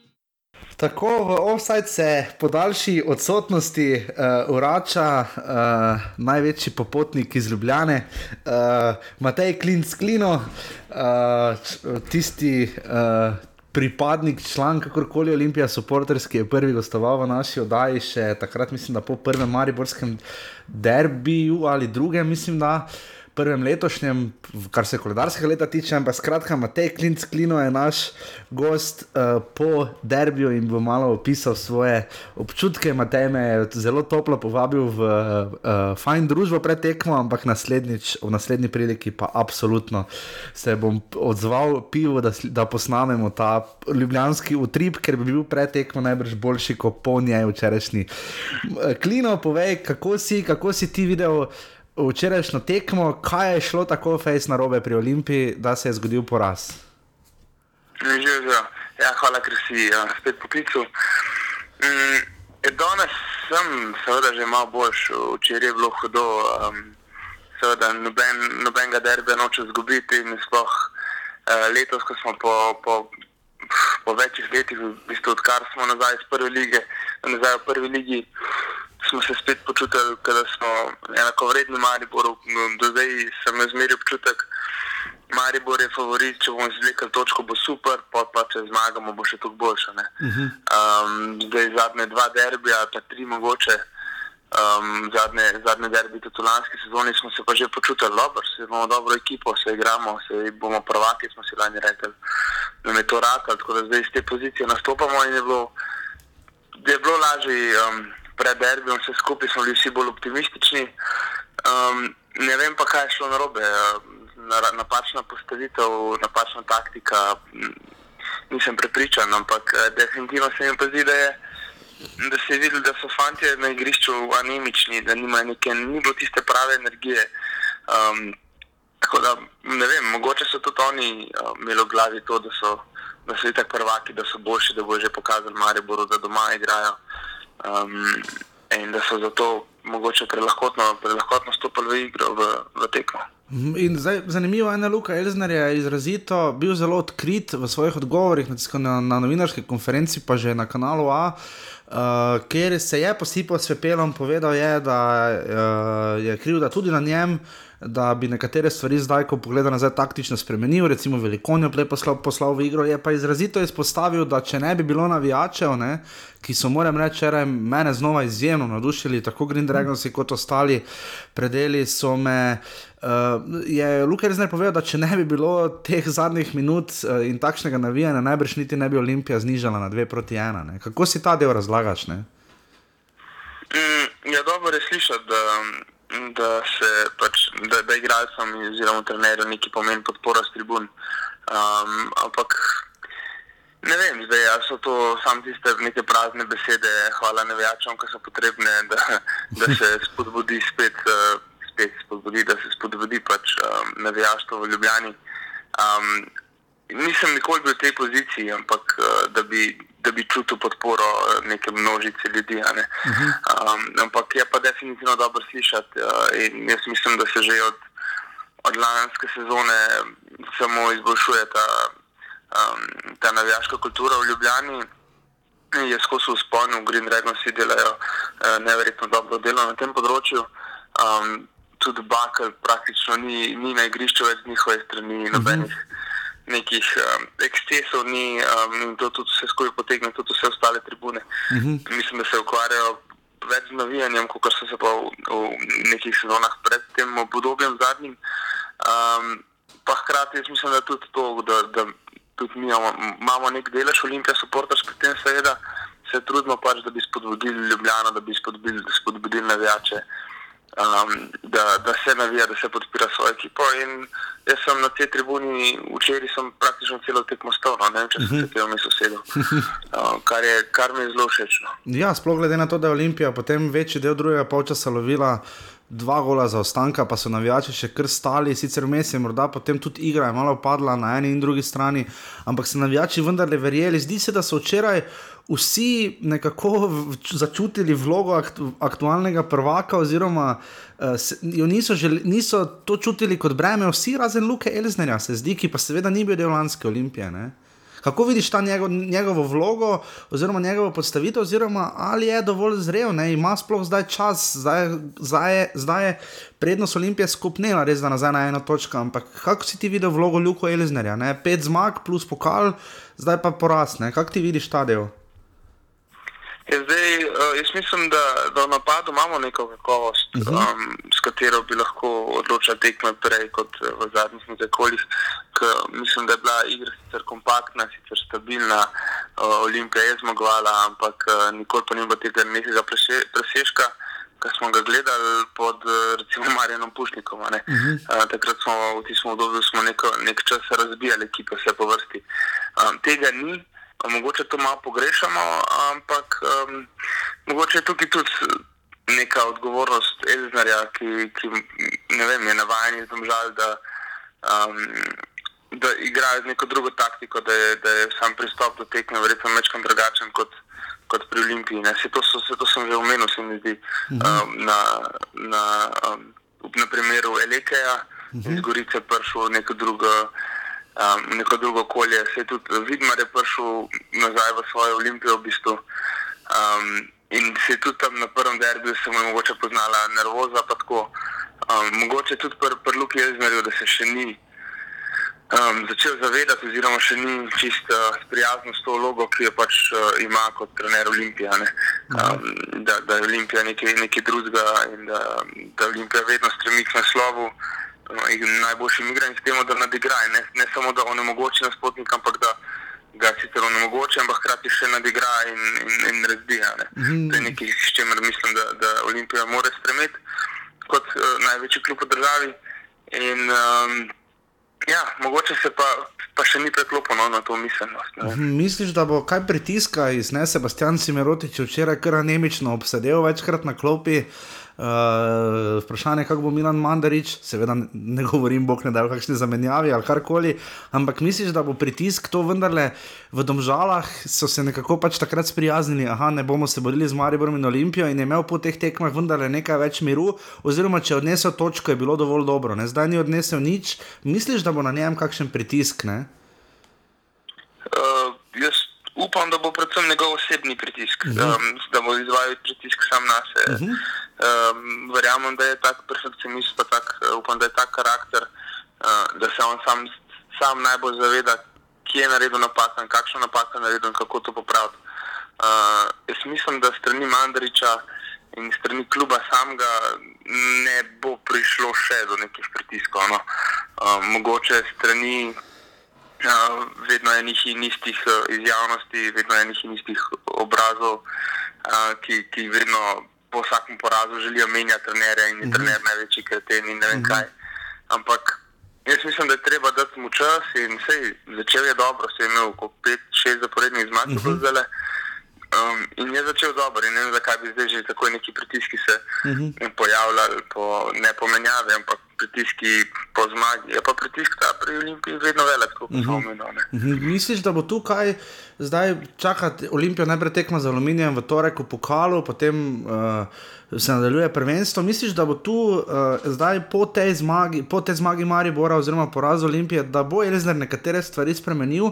Čeprav, če vidimo, se predvsej vrača na nek način bliže k sistemu Marjana Pušnika, kot pa k eksperimentom tako Marka Nikoliča kot zlasti Rodolfa Vanolija. Ne? Tu imaš, spomnimo se, lani so govorila o Bajriču, pa Kreflu, ki se je zdaj vrnil v postavo tukaj, recimo zaupa roko vodišku, uh, mlademu fantu. Kako vidiš ta del, ne? recimo Denis Klinar je pod, pod uh, Elznerjem začel še, z še več asistencami. Kako vidiš ta kadrovski del? Uh, jaz mislim, da načeloma ima ekipo, Ja, pa nima no, niti pogruntene. Kot se mi zdi, ima uh mhm. -huh. pogrunteno obrambo in pogruntenega vratarja. To mu je zelo jasno, da to vodiš. Če bi kadarkoli zamenjal nazaj na šeligo, bi to zamenjal pred derbijem, verjetno. Ne, uh -huh. tak, tak, tekmo visokega profila, kako se temu reče. Um, obramba je tudi že, že zadnjih par tekem ista. Bajrič uh, se je omaknil na klop nazaj, krefa zaseda njegova pozicija levega bočnega. Um, ostalo je tako, kot je veza, veza pa še zmeraj mečkam se rotira. Je bil Alves, pa je bil uh, Krona dobro, je bil poškodovan, pa ni bil v formi. Matič je, pa ni Miškič je, pa ni uh -huh. Din Zajc, mi zdi, da je neka stalnica v sredini. Uh -huh. um, v napadu pa ja, sej, zdaj načeloma ima tudi Benkota in Elekeja in potem Kirma še zraven. Uh -huh. Ampak um, ni pa, včeraj je že bil malo, razmišljal o tem, da bi dal velikonijo prej noter. Pa jaz mislim, da velikonija ni tako malo pokazano, da je, da je kar dobro uh -huh. pokazal in mogoče. Uh, mogoče bi bil čas, da se mu da več priložnosti. No, vse na začetku sezone, ko je prišel, je že dobival. Uh -huh. um, se pa po prihodu Benka hitro usedel nazaj na klop. Um, in ja, ni še čist, se mi zdi mu jasno, točno, kaj želi od, od ekipe, pa katere igralce um, želi, da, da, da, da to prinese ekipi.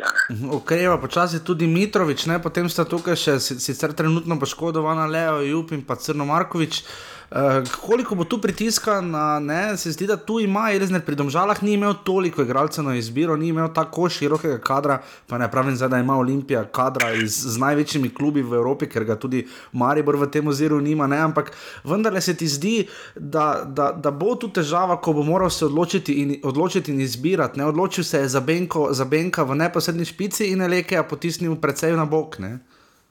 Mhm. Mislim, da se Ezner ne sekira, da bi imel preveč izbire na voljo.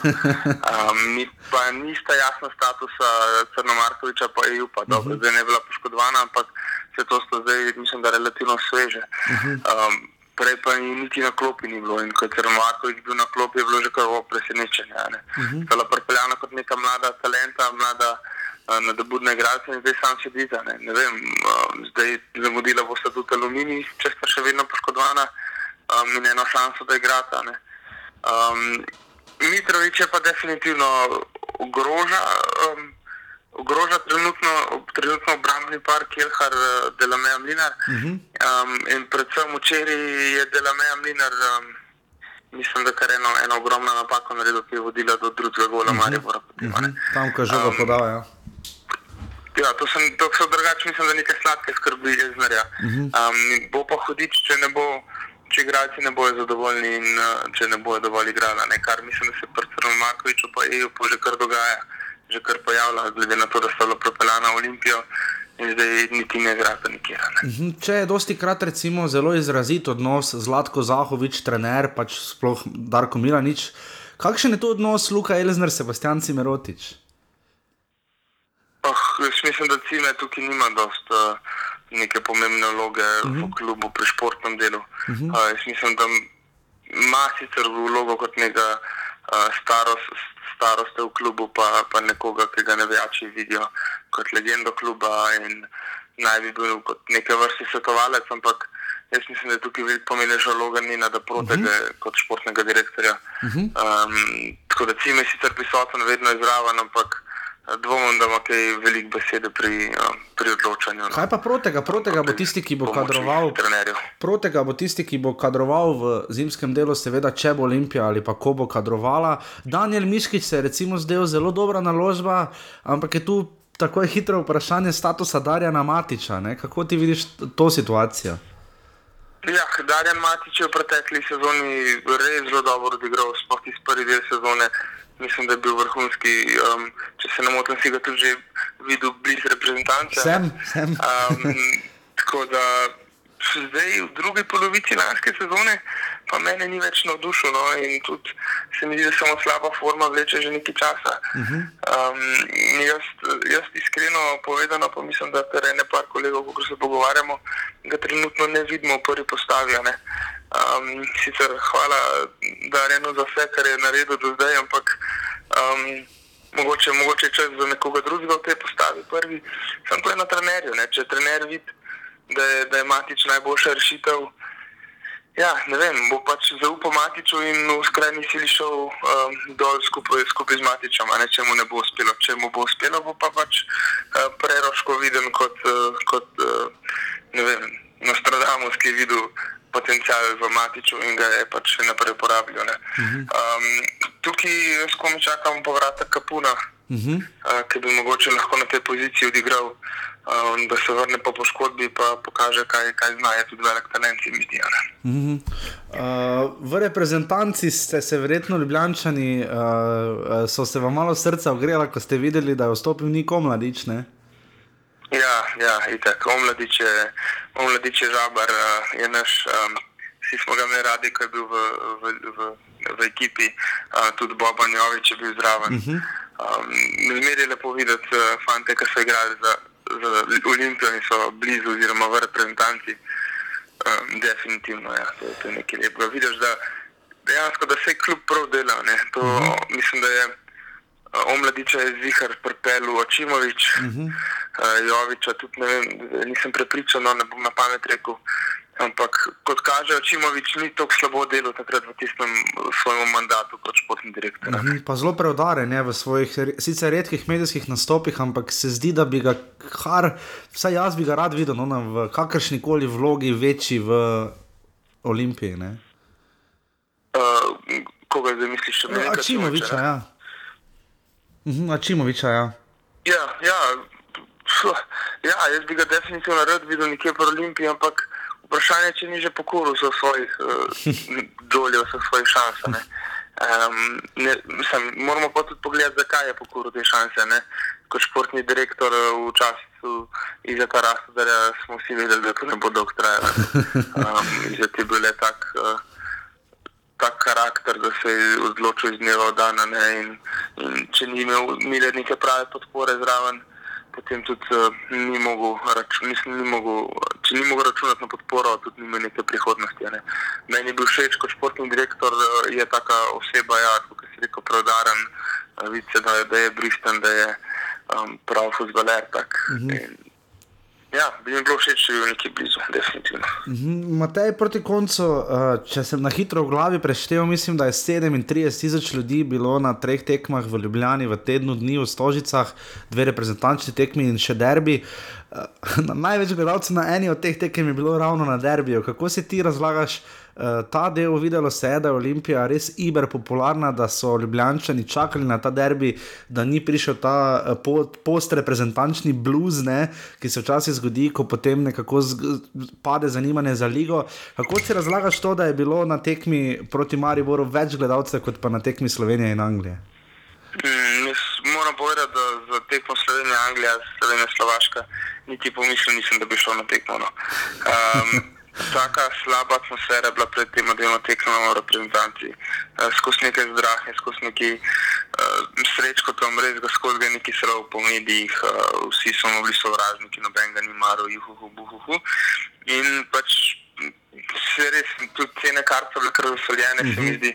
Uh, glede na to, da, da Ljubljani nismo ponovno skočili v zrak, že je bilo 15 evrov tekmo za derbi, a ne na mestu 10 evrov. Uh, nekatere se sezonske tudi zdijo drage 140 evri. Uh, Um, in res, uh, se mi ne čudi, da je bilo več gledalcev na, na tekmi Olimpija Maribor kot pa na Slovenija Anglija, um, ker mislim, da je veliko boljša neka aura, neko vzdušje zdaj v okolju tega klubskega nogometa, kot pa je okrog reprezentančnega nogometa. Um, v bistvu žal, ker pač uh, za Slovenijo je kristalno jasno, da je to pač ekipa cele Slovenije, Olimpija pa Maribor sta uh -huh. uh, v najboljšem primeru si vsak razdelita pol države. Uh -huh. um, in je, bi bilo lepo, da bi bilo okoli Slovenije, okoli reprezentance, boljša energija in spet tisto pozitivno zrače, ki je bilo, ko smo res.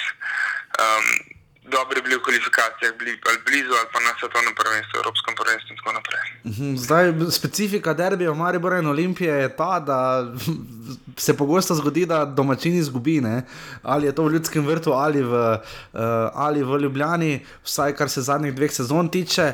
Uh, kaj pričakuje za zadnji derbi, ko bo tekma spet v Ljubljani, v tisti zadnji četrtini prvenstva? Uh, bo, jaz srčno upam, da bo stadion še enkrat tako poln in da bo nogomet še enkrat predvsem na, nivo, na visokem nivoju, kot je bil včeraj. Ne? Misliš, obstaja bojazen, da, da bi v Ljubljani padlo zanimanje, če bi padel rezultat? Zmeri obstaja ta nevarnost, mhm. nažalost, v Ljubljani, ker uh mhm. eh, -huh. ljubljanska publika še zmeri ni taka, kot bi si vsi želeli.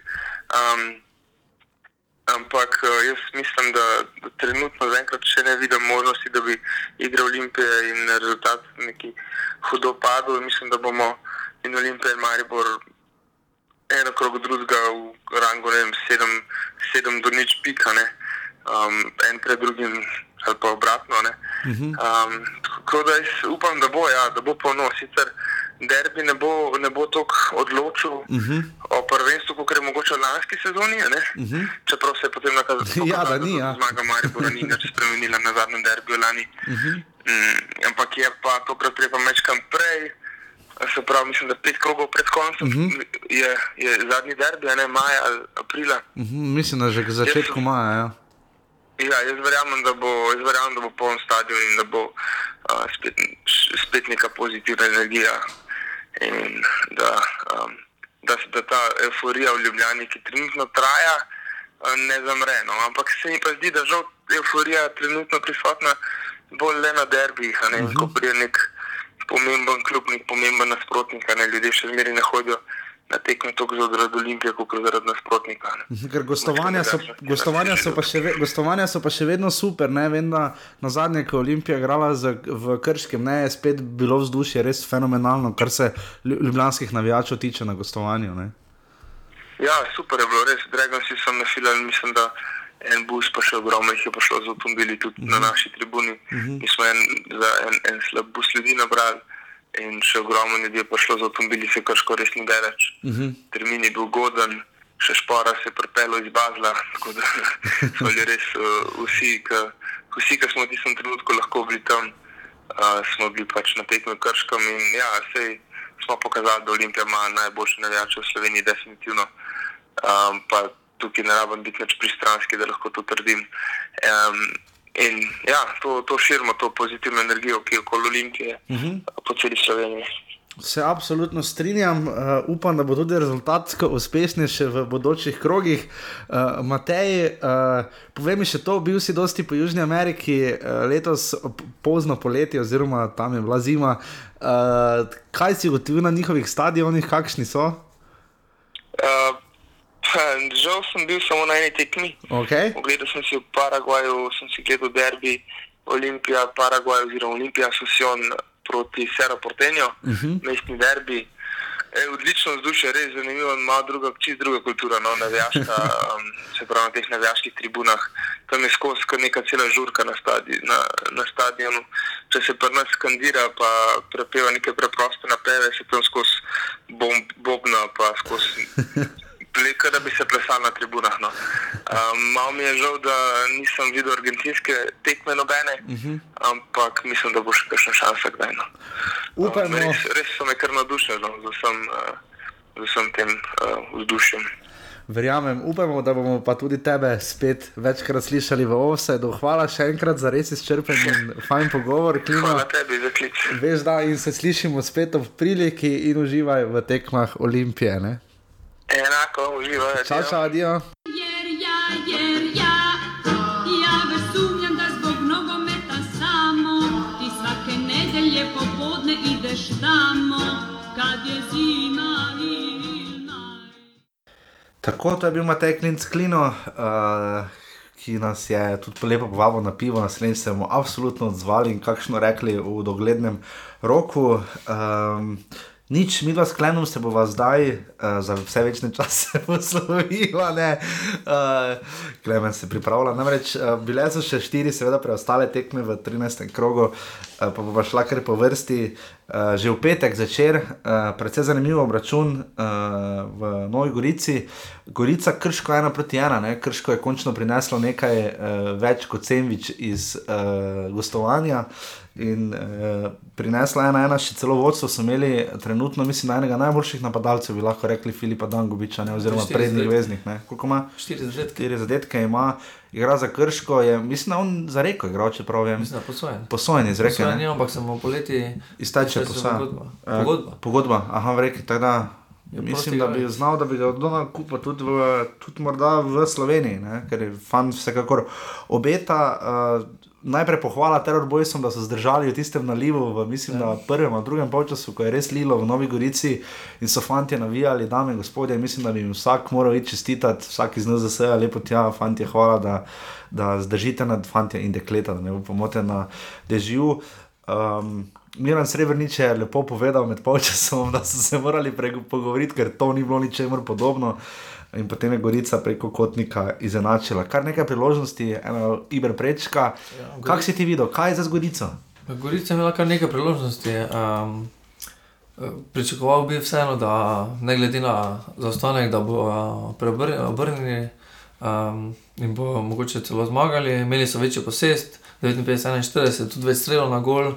Uh, prečka je imel kotnik, uh, tudi kasneje zadev, uh, zadev uh, gol. Um, vseeno pa Gorica je ostala na četrtem mestu, nekaj malega zastaja za državami, torej bo enako kot lani, po mojem mnenju, borba za tretje mesto oziroma za vozovnico. Za Lomi se, zdaj se je res prelomilo, Maribor je prišel bližje Olimpiji in se sicer domžale so zmagali, ampak je Maribor prejšnji krok premagal domžale, tako da se ta sredina lestvice lomi, uh, sta se pa krško, pa Gorica zdela precej enako vredna, no, po, tako kot na koncu pogledamo. No, res je, da je Gorica imela več priložnosti, ampak niso pa gola znali dati.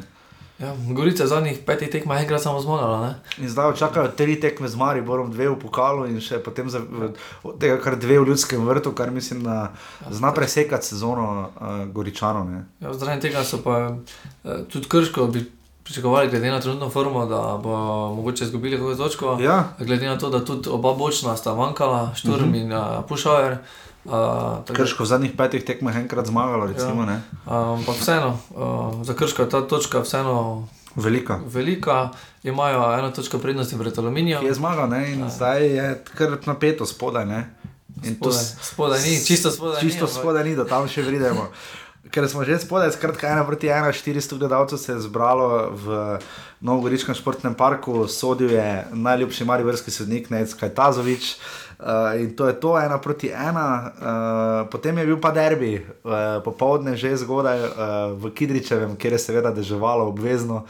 Uh, v Kidričevem, um, kjer sta Aluminij in Radomlje odigrala zelo dober obračun. Uh, Um, ampak veš, kaj bomo naredili, bomo šla na aluminij radovne na koncu, ker imamo še gosta, pardon, moja napaka se poslušalcem vljudno opravičujem, tistih sedem, ki jih je prišlo do sem. Uh, gremo na domžale, rudar. Uh, domžale in rudar sta se pomerila potem še popoldne pred uh, derbijem uh, v Domžalah, 3 proti 1, suverena zmaga Domžal. Uh, pobrali so se po porazu v ljudskem vrtu, potem ko so naštancali gole, zdaj, tudi Simon Rožman je izpostavil, slišal, slišal sem na valu, da se dva izjavo. Um, ki je šla v smer, da je zelo dobro, če imamo 15-16 priložnosti za golne, uh, ker jih imajo res ogromno, te domžale, to je nevrjetno, kako lahko. Zelo napadalno usmerjene, največ zadetkov. Um, Ampak ti še vedno praviš, da je to bila. Da bi to dosegel, je, je mnenje tvoje, da bi to dosegel tudi Luka Elzner, ali je moral priti Simon Rožman, da domžale zabijajo kot zmešane? Ne? Mislim, da domžale kot ekipa niso tako odvisni od trenerja, to je moje mnenje. No, trenutno imajo dobro ekipo. Čeprav prišel je Alvir, pa Matjašič, pa ne. Ja, malo vse ekipa. Vuk se je zbil, ne. Ja. Ampak mislim, da ekipa, ko zdaj ne, ne, eh, ne glede na trenerja, dobro, za vprašanje, da če bi nek drug trener prišel, ampak primerjava Ezner, uh, Rožman sta tu nekje in mislim, da ne glede na njih dve, kdo bi bil uh, trener, da bi ekipa enako igrala napadalno. Je pa res, da zdaj področje zabijajo dosti več zadetkov. Uh, tudi več priložnosti si ustvarjajo. So v zadnjih štirih tekmah izgubili samo eno, uh, eno, eno ljudsko vrto. Tako da uh, zdaj jih čaka pa Koper v gosteh ki, ekipa, ki ni v neki naj, najbolj bleseči formi. In, da um, žale lahko, mislim, še vedno jaz mislim, da zadnji sem napovedal v Stožicah veliko potezno, da bodo domžale na koncu končale letos kot druge. Ne? Ker je drzna napoved, no malo tu izzivam, sicer trenutno nič ne kaže, da bi se to zgodilo. Uh, tudi ostali nekakšni sogovorniki to poudarjajo. Pač, spomnimo se tekme, žal Olimpija letos, ko, so, ko je Olimpija gladko strinič premagala domžalčane. Um, v naslednjem krogu, mislim, da potem igra ta Olimpija in domžale in bomo videli, kaj to pomeni obračun Elzna, razbivša ekipa. Ampak vendar rudar nas je nekako malo razvajal, ne? dobro je igral proti Mariboru in nasploh je kazalo, da bodo zmogli kaj več. Ne? Dominik ima prvega sredstva lige Glavina, ima Dominik Glavina ima že 8 zadetkov. ne. Ja, 8 zadetkov, 13 tekmo. Uh, kar je res ogromno. Glede Slobodan Krč- sedmo vršeno ekipo je to zanimivo, zelo zanimivo. ja. Slobodan Krčmarevič dobro dela, ampak niso pa sestavili ekipe, niso našli rešitve. Ne? Ja, uh, Rodar, ko zdaj ima tudi težave z um, formo, toplo hladno igrajo, kakšno tekmo odlično, mm -hmm. Potem uh, zmanjka mogoče motivacije, sreče, znanja in potem podigrajo tako- kakšno tekmo tudi slabo. Uh, prejšnjo tekmo so premagali, naprimer, Koper 4-1, ne? 4-1. Maribor 1-1, predtem Ja. izgubili s Krškim. Ne? Zdaj pa naprimer, čisto odpovedali 3-0, na koncu so, uh, je glavina zadev za 3-1, uh, tudi premalo priložnosti so imeli, um, zdaj jih, zdaj jih pa, pa čaka Olimpija. Um, tako da možno da bo tudi spet to ta eh, kakšna tekma, ko bo, ko bo doma, tako tak, tak kot proti uh, Mariboru, ko so igrali samo na večjem nivoju. Ja, v prihodnem krogu gre uh, uh, Olimpija, ker udarijo, seveda, ne, ker Olimpija zdaj igra doma, tako da bomo videli, kako bo to šlo.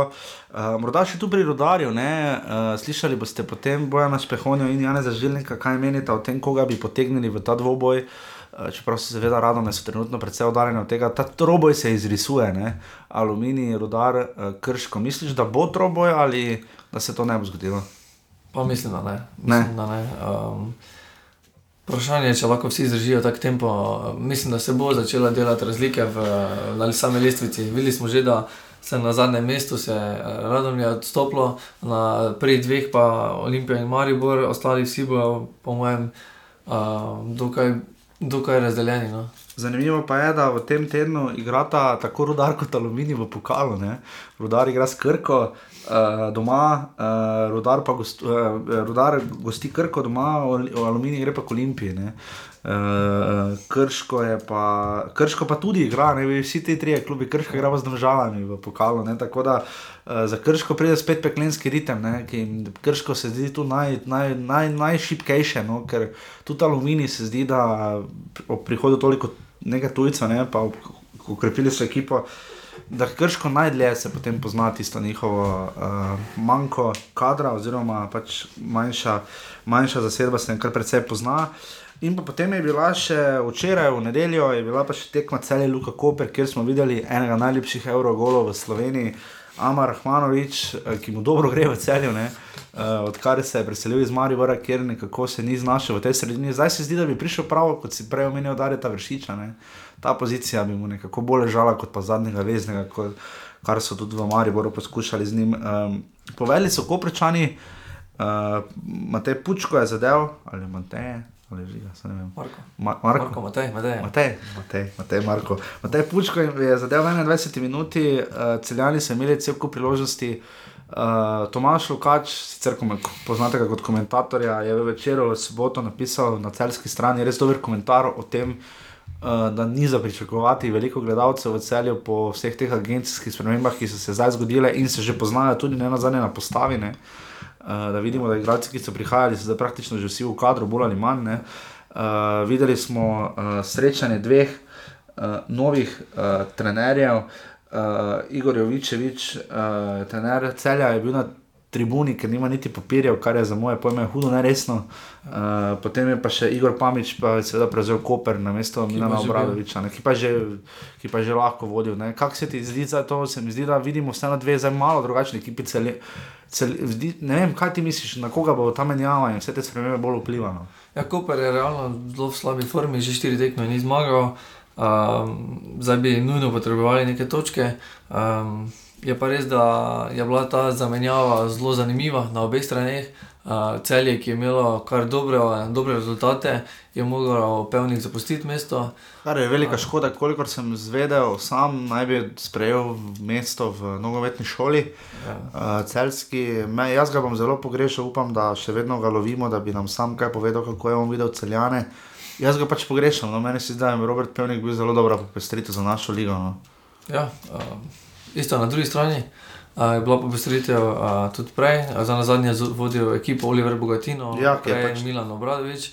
Uh, zdaj je pač sledila, uh, tako kot smo lahko prebrali na strani Kopra, da na zahtevo uh, Bare, torej agenta. Uh, To je zelo zanimivo, da nekateri klubi na koncu koncev priznajo, uh, dosti stvari, se, se, se, teh stvari se po mojem dogaja in uh, se enostavno. Koper je pač priznal, da je Ja, bara Koper pač je priznal, da je pač agencija tista, katera ima največji dolg.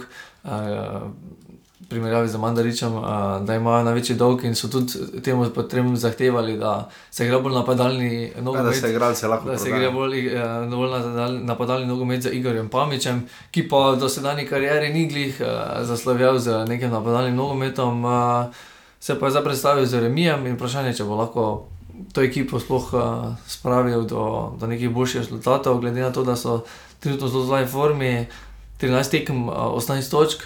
Uh, glede na tisto formo v prvem delu prvenstva, ko so bili zelo visoko, uh Mhm. -huh. so zapadli, um, kar nekaj časa že niso zmagali.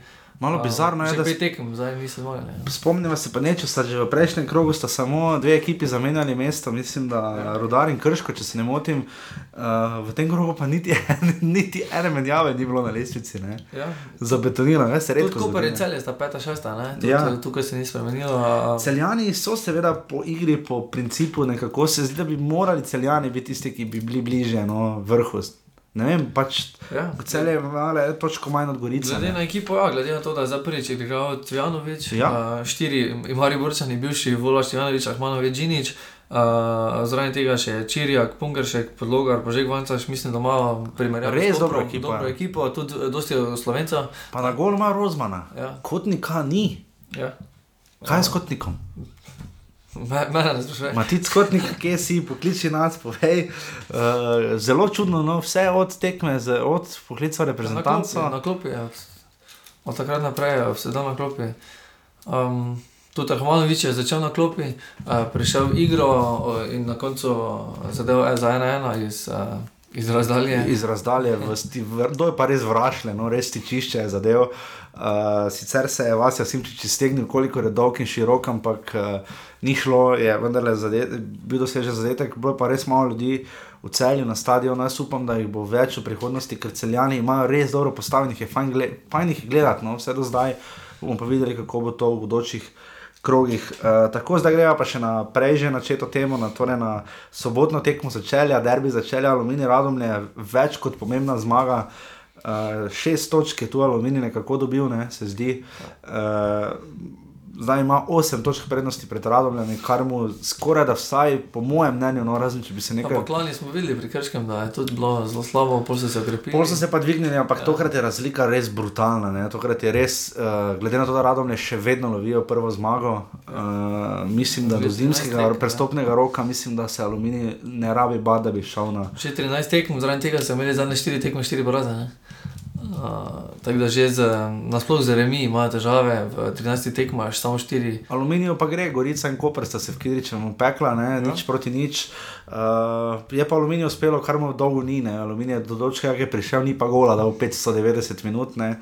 Zdaj pa je Škoflek zadev, ker dva gola, uh, res oba, precej lepa, precej napadalna.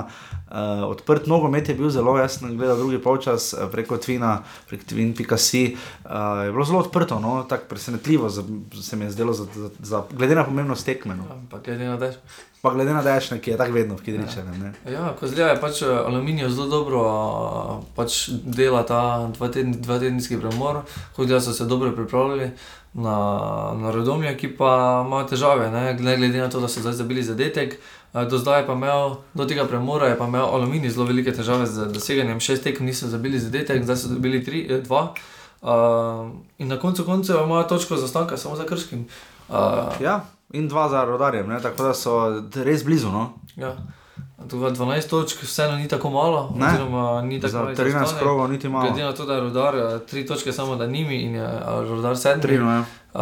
Tako da aluminij se, ne glede na to, da so ga mogoče nekateri podcenjevali, dobro drži v tej prvi. Boljše kot radom, ne, kar bi nekako pričakovali, ne, glede na, ne vem, tudi lani, ne, slišali boste, bojem špehovne je izpostavil, da lani niso imeli najboljših rezultatov z radomljami v drugi ligi. Ne, uh, in so tu radomlje nekako pričakovali, bi, da bodo radomljani tisti, ki bodo uh, tam, kjer je zdaj aluminij, ampak se je zgodilo ravno obratno. Uh, tako da zdaj se, va, se vam boste v paketu razgovorila. Uh, Janez Žilnik bomo dali najprej priložnost njemu, ker je povedal res nekaj zanimivosti. Uh, malo so bomo pogledali tudi v drugo ligo, o tem, kako bi se širila liga. Uh, povedal je svoje izkušnje z, v delu z mladimi in pa svoje opažanja na Islandiji, kako, kaj se zgodi, če dolgo, dolgoročno planiraš uh, neko nogometno prihodnost. Tako da njega vsekakor islandska poletna pravljica ni presenetila.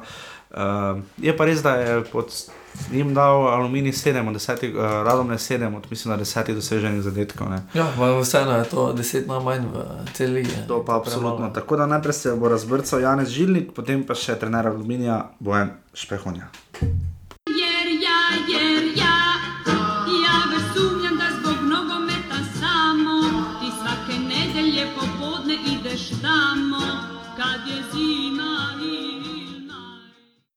Tako z nami je, eh, kot napovedano v uvodu, da je Janez Žilnik, trener eh, Radomel, eh, trener, ki je prevzel ekipo po petem krogu in pa eh, bivši igralec kar nekaj slovenskih nogometnih klubov, tako da ima izkušnje tudi iz eh, čarov 90-ih let slovenskega nogometa.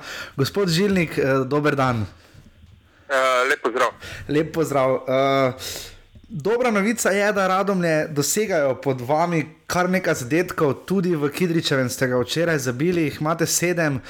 Ampak ni uspelo radomljam. Uh, kaj zdaj, to je zdaj ključno vprašanje. Uh, vseeno po igri, vsaj sam osebno ne bi odpisal radomlj, kar se tiče obstanka oziroma sodelovanja v prvi ligi Telekom Slovenije. Kaj bi rekli vi?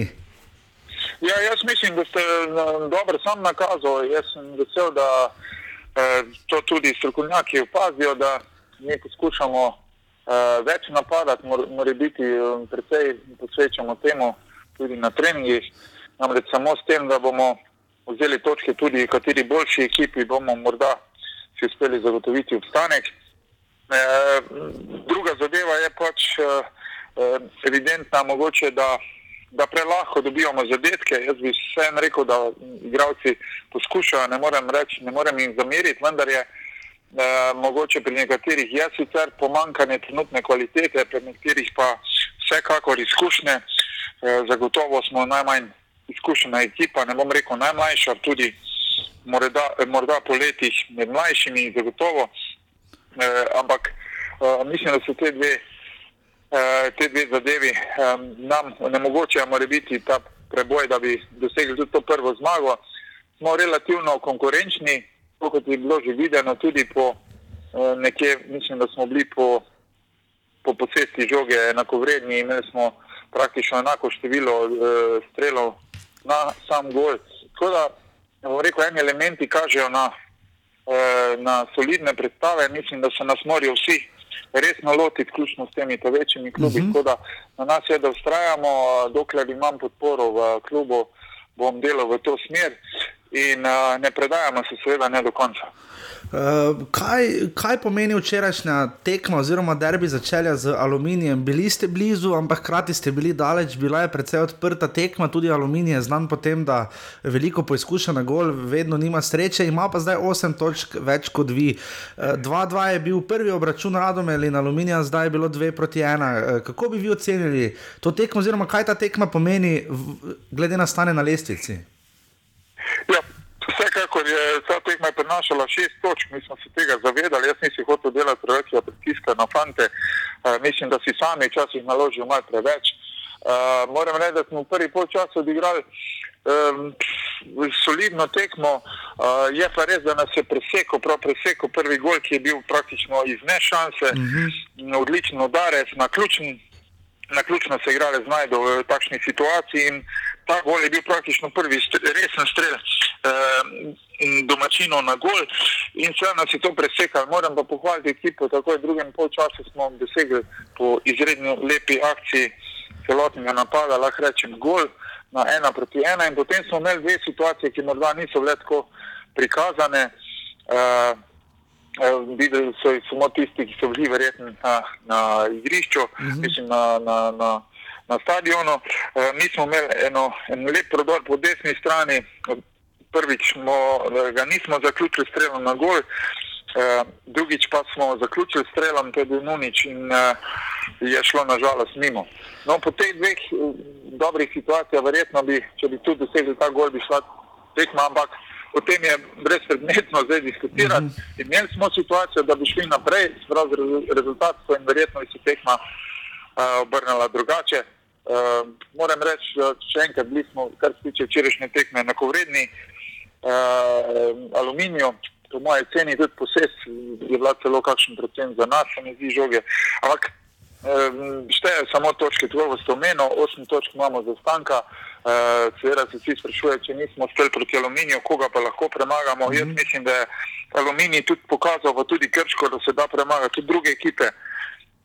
In mi bomo vse delali na tem, da bomo pa zbrali čim več točk. Mm -hmm. To je osnovno sporočilo in mm -hmm. delamo vsi v, v ekipi in vsem igralcem sem tudi to filozofijo predstavil, da ni lahkih tekem, vsekakor pa se ne bomo predajali pred nobenim tekmicam. Alum, aluminij je tu pokazal, uh, že za zmago v Mariboru, da se da točke dobivati tudi tam, kjer jih morda kdo ne bi pričakoval. To ste ne na zadnje pokazali, tudi vi, tudi v pokalu ste v Mariboru kar zagodli, pa tudi v prvenstvu ste v ljudskem vrtu skoraj da pol ure. Uh, res dobro držali pritisk, oziroma ste bili ja. praktično enakovredni Mariboru. Koga vi vidite še v tej borbi, oziroma rekli ste, je mat točke, koga še vidite tu, uh, ker je to nihanje nekaterih ekip, ne, krško, koper, ja. celje, rudar. Ja. Uh, koga vidite, oziroma zakaj je specifičnost prve lige takšna, kot je? Ne?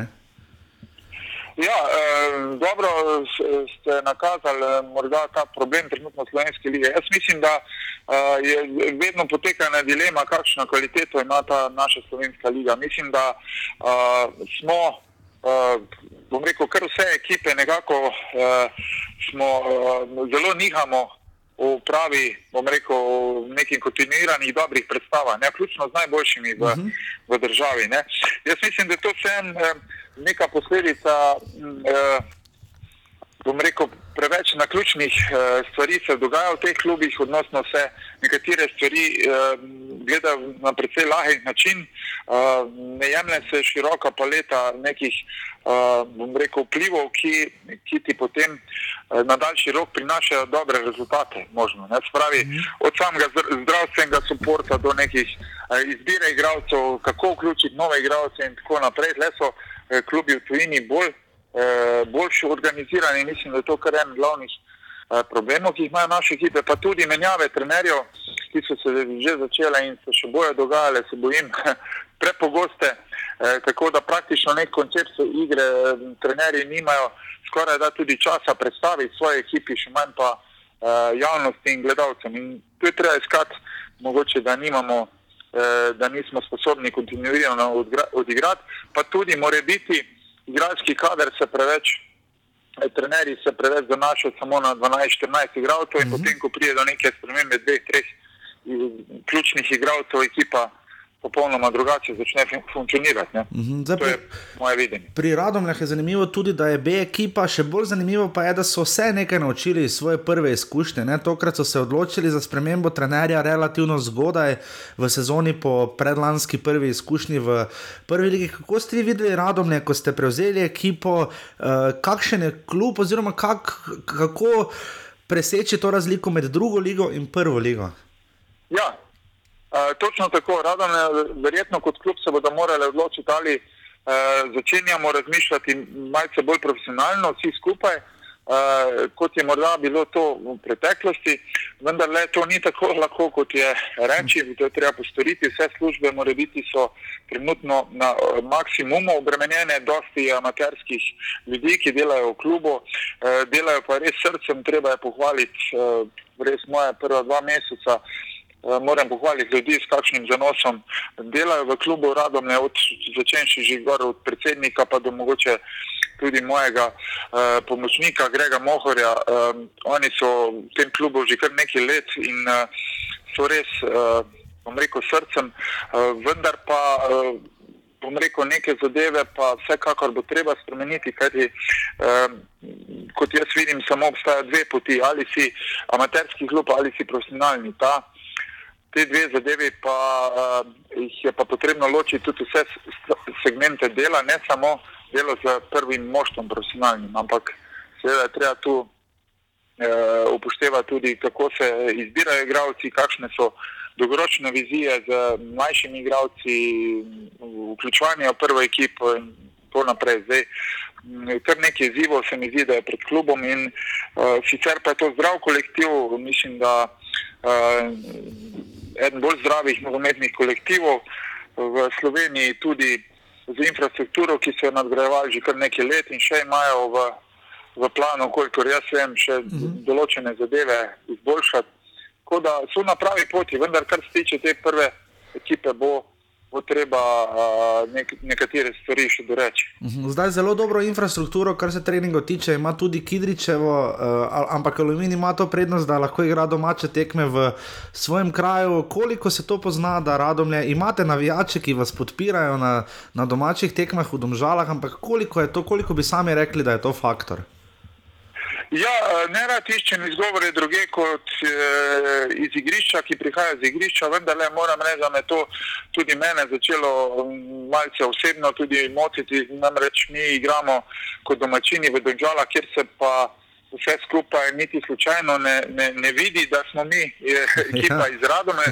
Ja, tako da našo, jaz praktično gledam trenutno, da mi gostujemo vse tekme.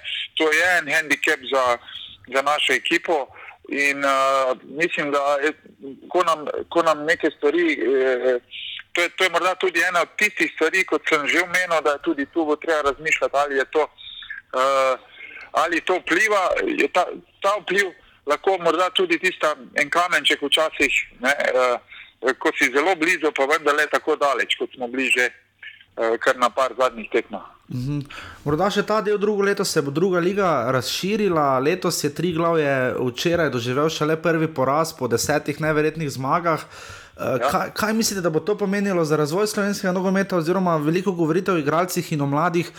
Kakšna je recimo razlika, oziroma kdo lahko konkurira še za prvo ligo, kdo gre potem igrati v Avstrijo, kdo se preizkuša v tujini, oziroma kako bo vse to vplivalo? Ne? Ker trenutno, kot rečeno, trenutno na oko, na pogled lesice deluje, kot da bi tri glav moral biti v prvi ligi, ampak seveda lani tega v drugi ligi rezultatsko ni dokazal. ne. Ka- Kakšna se vam zdi ta ideja o širši drugi ligi, oziroma kako to vpliva na igralce, za katerimi ogromno delate? Ne?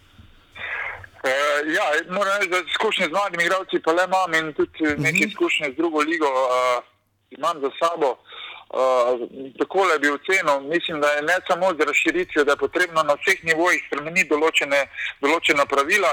Jaz sem tudi sam kot član strokovne komisije na nogometnem zvezi predlagal nekatere spremembe. Jaz upam, da se bojo, da se bojo določene stvari eh, spremenile. Namreč eh, evidentno je, da je prostora za slovenske mlade, perspektivne, dobre igralce, če dalje manj v prvi ligi. Ne, če, če pogledamo tudi recimo včeraj, mislim, da je Aluminij polovico igralcev imel tujcev, za mene so tujci tudi Hrvati. Ne, Ja, ja. Tukaj na nogomete, v nogometnem našem svetu se ne štejejo kot tujci, vendarle prihajajo z čisto drugih sredin nogometnih.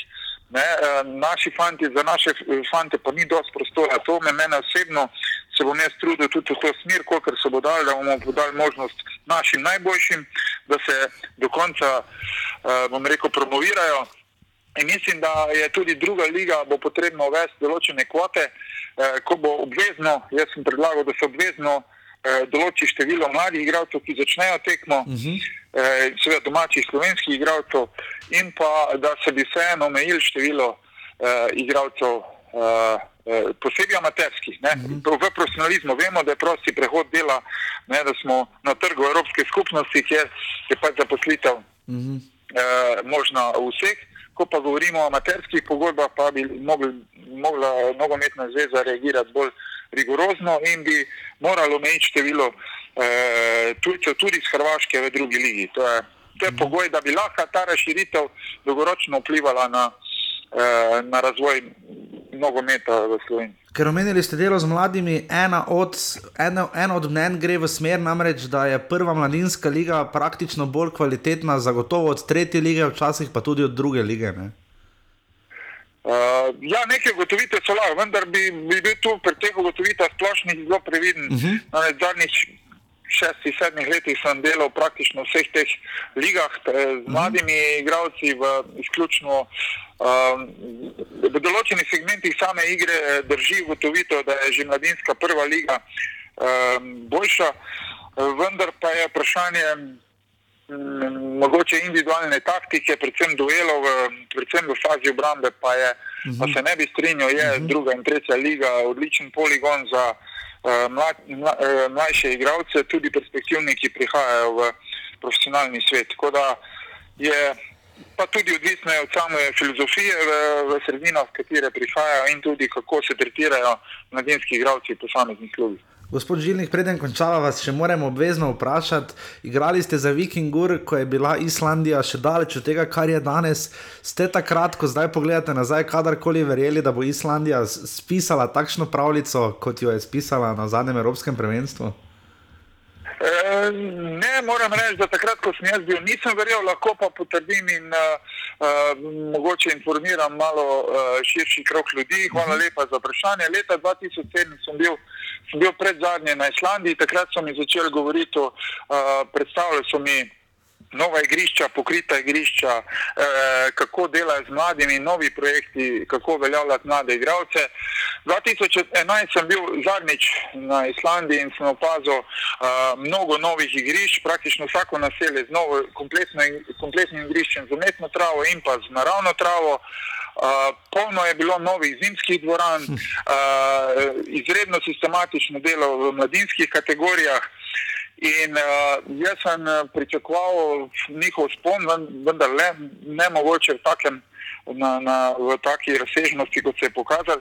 Ampak rad bi rekel, ni to na ključno. Uh -huh. Oni so vložili in kap, eh, kapitala, in življenskih, in uh, ogromno eh, življenske energije, in pa moramo vedeti tudi, tudi optimizem, nogometni optimizem izvira iz njih samih, iz njihovega življenja. Jaz ga probam črpati in bom poskušal tudi tle v ekipi Radom nekaj tega optimizma, odnosno pristopa tudi dodati k tej ekipi. Eh, Če, so, če njim uspeli, je možno v nogometu uh, uspeti uh, tudi ekipam, ki morda na vidi že izgledajo izgubljene, odnosno izgledajo malce slabše, kot si ljudje mislijo. Gospod Žilnik, najlepša hvala za ta zelo informativen in izčrpen pogovor. Upam, da še kdaj v podkastu Offside, tako da res hvala, da ste si vzeli čas, radomljam pa čim več sreče v, in na poti do vsaj prve zmage. Ne? Ja, ja, hvala lepa, pa se še čujemo. Okay. Vse, lep dan, hvala lepa, Ja. adijo. Ja, ja. Jer ja, jer ja, ja već sumnjam da zbog nogometa samo ti svake nedelje popodne ideš tamo kad je zima i Tako z nami je Bojan Špehonja, kot napovedano, uh, v uvodu oddaje trener uh, NK Aluminij iz Kidričevega, Aluminij, ki je včeraj za 2 proti 1 v derbiju premagal, kot povedano, Radomlje. Uh, zmaga, ki je verjetno zelo razveselila Kidričane, uh, sploh pa to, da so tokrat uh, uspeli premagati neposrednega tekmeca, najbrž pa tudi sicer, ker vemo, da vse tiste štange na začetku sezone so enkrat morale končati v mreži, pa ne samo Maribor, ampak tudi Radom. Gospod Špehovnja, dober dan. Dobro. Um, Zak, bom kar direktno vprašal na začetku, zakaj je Aluminij 8 točk pred Radomljami, oziroma zakaj je včeraj zmagal z 2 proti 1? Ja, gledajte, tekma je bila zelo težka, eh, radomne, mi, mi smo debesedno prvič premagali radomne. Ne? Če, gledate, če gledate situacijo iz druge lige, Mhm. radomne je bilo eh, suvereno prva, eh, zmagala 6 proti 1, eh, tam doma, pa tu Kiričem 4 proti 0. Potem, po, pri mojem prihodu, da dejansko smo potem eh, igrali 1-1, pa 2-2 v Radomljah, eh, ampak včeraj smo pač eh, tudi s tem, da smo imeli, eh, igrali brez štirih igralcev, smo se so fanti pustili srce na igrišču in res so dobesedno zgarali do tekme in so zmagali. Uh, je posebnost, kaj je posebnost aluminija? Je to, da igrate vendarle re- relativno odprto proti vsem ekipam, vedno greste po gol. Je tu škoflek tisti, ki more zabijati, oziroma kaj je specifičnost aluminija? Lete, mi imamo svojo specifiko igre, ker eh, do zdaj nas nič ni nadigral. Eh, uh -huh. Dobesedno igramo, igramo svojo igro. V fazi obrambe stojimo dobro, mislim, da vse tekme smo dobro igrali, da nas nič ni nadigral. Mogoče smo imeli malo slabši dan proti, proti Velenju. Dejstvo pa je to, da imamo probleme v sami v, v konici, ne, v, v, v, v samem napadalcu, ker v bistvu Kramer je poškodovan, Bizjak je poškodovan eh, in tu so problemi. Ne. To so bili Bizjak, ki je bil lani prvi strelec lige. Uh -huh. Zdaj sicer imam probleme z, z meniskosom bogične operacije, tako da, tak, da smo ga izgubili, Kramer ima imel eh, palec zlama na, na noge.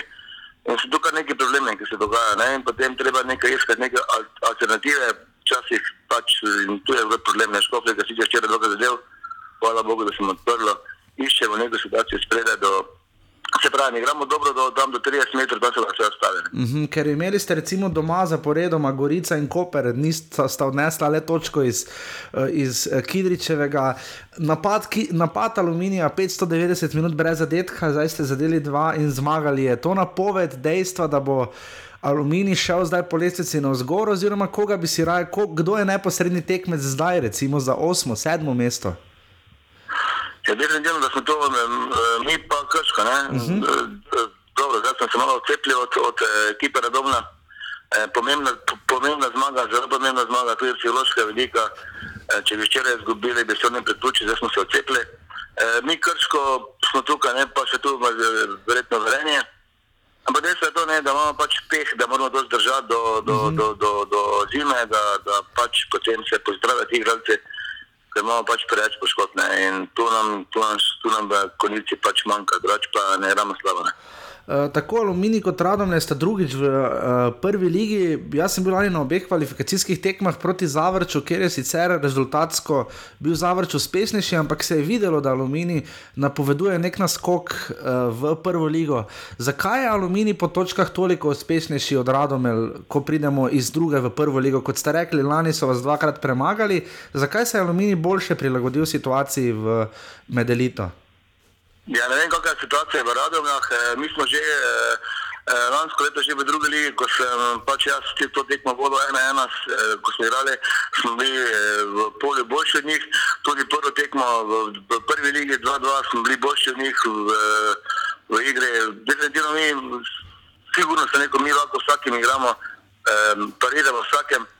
In eh, škoda, škoda je samo to, bilo je par takih sodniških odločitev, tudi proti nažalost, da smo bili boljši, Mhm. definitivno smo nas oško- oškodovali. Eh, potem proti Kopru, tisto tekmo doma, ki smo bili de- dejansko, ne vem, enostavno smo dobro igrali proti Gorici. Po, pri, nas je samo problem to, da, da pač ta naša realizacija, oziroma v konici napada, da nismo dovolj konkretni, oziroma vsako tekmo si pripravljamo 4-5 priložnosti. In pač nismo zabili, zdaj smo sicer, hvala Bogu, da smo včeraj, da je imel ško- škofle svoj dan, da, da smo zabili, ampak to se nam vedno dogaja, ne? mi, mi definitivno prihajamo bez šanse eh, vsako tekmo in to je dobro napovedati, ne? če prihajaš šanse, prej se mora nekaj zgoditi. Ne? Mhm. Marsikdo mi je povedal, da veljate za dobrega trenerja, za kar se tiče dela z mladimi, ampak letos imate tudi kar nekaj tujcev, oziroma kar nekaj prišlekov. Kako ste to uspeli uskladiti, to kombinacijo, oziroma če pogledava širše ta tujski prostor, ne širše, imeli smo Dravo, imamo Zavrč, ki igrata oba leta v drugi ligi. Eh, Kakšna je tu navezava z lokalnim okoljem, oziroma kako je zdaj delati, ko imate mešanico igralcev? Glede, mi imamo par igralcev, smo posodili teh mladih igralcev iz, iz, iz Mladinska pogona, smo posodili, eh, smo dali na posode v Zavrč, eh, tam je Ahec, eh, tam je tudi Brodnjak, eh, Zorec, tri igrači, tam smo dali v, v, v Viden, smo dali Sveti ligo Kajtno, eh, Gerečnika, pa, pa mislim, da bo še bil, ne vem, da bi spomnil to. Eh, eh, kaj že Pintarič. Eh, ti mladi igrači, ko bi dobili tu manjšo minutažo, eh, definitivno je dobro za njih, da, uh -huh. da igrajo v, v sredinah, v drugi ligi, eh, v drugi ligi eh, in v tretji ligi, kar pa nameni, da smo mi na njih pozabili. Oni, oni hodijo k nam na treninge, eh, tudi občasno eh, k nam trenirati, tako da je dobro za mlade fante, da igrajo da igrajo, da, da morajo nekaj igrati, eh, kot pa da nekaj tu trenirajo, pa samo sedijo. To je bistvo vsega, ne? in da dobijo neke izkušnje in da potem po zimi se jih vračajo k nam na priprave in da prijemo in da vidimo, v kakšnem stanju so, oziroma mislim, da delamo to v tem smislu eh, pravilno in da pač tak, eh, tak to mora potekati. Ne? Je pa res, da je nekaj teh eh, tujcev prišlo eh, k nam, eh, fanti so v redu, gledajte, v Rentemiru so v redu, slačilnica je fenomenalna, eh, zelo dobra. Eh, zdaj posebej še po zmagi. Tudi zdaj, ko smo imeli par, par takih tekem, ko nismo zmagovali, začetnica stala nekje, verjeli so v sebe, verjeli smo vase, da lahko, da, da lahko, da lahko dobro odigramo, da, da smo konkurenčni vsem ekipam in mislim, da bo čas pokazal tudi, da je to to. Škoda pa je samo to, da so se nam zgodile te poškodbe, no, to pa je res definitivno. En če recimo handicap pri Radomljah, kot je prej mi povedal Janez Žilnik, to, da igrajo v domžalah domače tekme, je pa pri vas nekako ni treba pogledati, kakšno bo vreme, ko igra aluminij doma, ponavadi je dešne. Uh, koliko tu vpliva, recimo, domač stadion na uspehe aluminija, oziroma kakšne načrte ima klub, kakšna streha še bi prišla zelo pravne.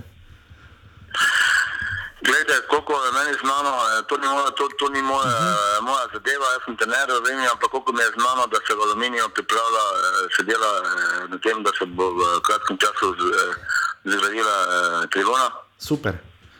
In to mislim, da je to definitivno rešeno že. Uh -huh. ne, sigurno je pa to, sigurno je problem, ker včeraj še tekma, pa še gre tekma, ko je dež, ljudje pač mi prijajo tekmo, enostavno, težko je tam vse podmereno in si moka, ne, da ga enostavno. bo, mislim, da bo boljši, rad, ko, ko se bo zgodilo to. Mislim pa, da klub dela na tem in mislim, da je to zagotovljeno in da je to rešeno, da se bo tribuna zgradila. Koliko je pomenila zmaga v Mariboru, ne? ker je bila ne samo, da je bila že zmaga po sama po sebi presenečenje, ljudski vrt je vašim igralcem odkrito zaploskal. Uh, Aluminij ni samo iz dveh akcij dal dva presenetljiva gola, iz recimo proti napada, ampak je ne samo pariral, ampak na trenutke celo nadigral Maribor. Uh, kaj je tista tekma pokazala? Ne? Glede, to je bila specifika. Mare bo da rad imel Evropo, Mare bo imel tekmo pred in Mare bo se pripravljal potem za, mislim, da so sredi imeli tekmo, mislim, da so boto igrali, oni so potem imeli tekmo za. E, naravno, da so nekaj igralcev spočili, ker je bil njim prioriteta sigurno definitivno njim je e, Evropa. In mi smo pač v tem trenutku bili na dobri formi, imeli smo igrače, imeli smo igrače, vse zdrave in so pač to priliko izkoristili. To, to je bila druga zgodba. Mislim, da če malo bolj reči, ki se zrač postava, mislim, da je malo bolj pravilno reagiral, da se pač eh, odločil na, na, na, na, na cilj, ki je Evropa. So pa bali, da se definitivno pa smo jih malo presenetili. Uh -huh. Da se jim govim, ko da mi prvi gol, da se težko staviti. Uh -huh. Morda, če pogledamo za konec, samo še širše, lani je Krško prišlo iz druge lige, prvič med elito, letos Aluminij ima dobre rezultate, letos v drugi ligi Triglav je do včeraj, ko je izgubil z Ankaranom, na nizu kar deset zaporednih zmag. Kako vi vidite razliko med prvo in drugo ligo? Druga liga se bo ne na zadnje, drugo, na prihodnje leto tudi širila na 16 klubov. Ne? Kakšna je razlika, oziroma kje nastane glavna razlika med prvo in drugo ligo? Razlika je velika, ne? razlika je velika. Ne? To je definitivno eh, kader, kader igralcev, ki jih imaš v drugi in prvi ligi, oziroma eh, razlika. Ne? Tukaj v prvi ligi moraš imeti 20 eh, enakovrednih igralcev, ker pride poškodbe, tekma so močne, vsaka tekma je tekma, ki ne veš, vsak lahko vsega premaga.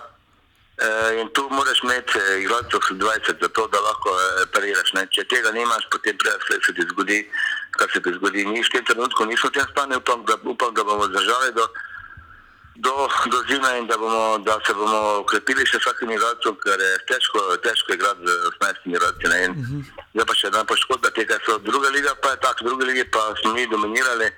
Mislim, da ne, ne, mislim, da lani pol sezone in druge nismo tekme izgubili, da to če še kdo da zgodilo, to, da kdo ni tekme izgubil mi smo bili tisti prvi, ki nismo tekme izgubili in je ta razlika velika. Ne, ko, ker je pač tam je par klubov taki, ki so premagljivi, ki lahko z lahkoto pri, pri, eh, premagaš tukaj v prvi lige, pa vsaka tekma, vsako tekma je težka in je vsako tekmo težko zmagati. Uh -huh. Je pa lani, to je tisti glavni problem. Mhm, lani je pa pokazalo, ker vemo, da včasih zaradi licenčnih ali drugih razlogov odpadejo dodatne kvalifikacije ali kaj drugega, ampak kot takšen sistem prehajanja v, iz prve v drugo ligo so vseeno pa verjetno dobrodošle te kvalifikacije dodatne devetega iz prve lige in drugega iz druge lige. Ja, pokazalo je že v zgodovini, se je pokazalo, da, da prvi legaši, ko pač grejo v kvalifikacije, večina zmaguje. Ne? Mislim, da se enkrat zgodilo, samo mislim, da je tri gledanje, enkrat to, uh -huh. ne vem, zdaj se ne pamet, ne vem, kdo, kdo je drugače šel naprej, ampak po večini stvari je pač tako, da eh, zmaguje, zmaguje prvi legaši. Ker pač imajo več izkuštev, iz, iz, izkušenj eh, več tega in zato mislim, da je to pač taka tradicija. Mislim, da je blizu, Uh -huh. bi blizu, proti, go raj, da bi, da bi, uh mhm. -huh. proti Gorici se spomnim, ko je bilo nič, nič na prvi tekmi. Ne? Ja, potem pa 2-1, uh -huh. ampak mislim, lani, ko smo rekli za več, uh -huh. ne, mi smo bili blizu, mi smo tam imeli 2-0 v Zavrču. Pa, pa smo tako gole dubli, pa doma smo igrali, potem je rešeno, pa smo imeli tudi na koncu mm, priliko, da, da jih rešimo. Ne, ampak malo športne sreče bi mogli imeti. Uh, Tako Da, mislim, da je, ipak je, mislim, vseeno je tu razlika, ne? prva, druga liga je vseeno razlika. Ne? Ker imaš Mhm. pač te tekme, te, to ti da neke dodatno, dodatne izkušnje fantom in potem je to eh, v teh kvalifikacijah, potem tudi te prve še lažje igrajo. In glede na vaše izkušnje in glede iz prizme pogleda na včerajšnji derbi, s kom aluminijo lažje igrajo rezultatsko, sicer nekoliko vidno, ampak tudi Olimpiji ni bilo lahko. V Kidričevem, kako ste vi videli včerajšnji derbi Maribora in Olimpije? Ja, Maribor je igral včeraj zelo dobro. Maribor je včeraj v vseh pogledih, po mojem, po mojem še eno nadigral Olimpijo in tudi za- zasluženo premagal, premagal uh, ekipo, ekipo Olimpije. in Zato tudi eh, če, čestitam Mariborčanom za zelo dobro uh, predstavo včeraj v, v, v Stožicah. Uh, pa s tem tudi je se približal, približal Olimpiji in bo vsem avtomatsko prvenstvo bolj zanimivo. Ne?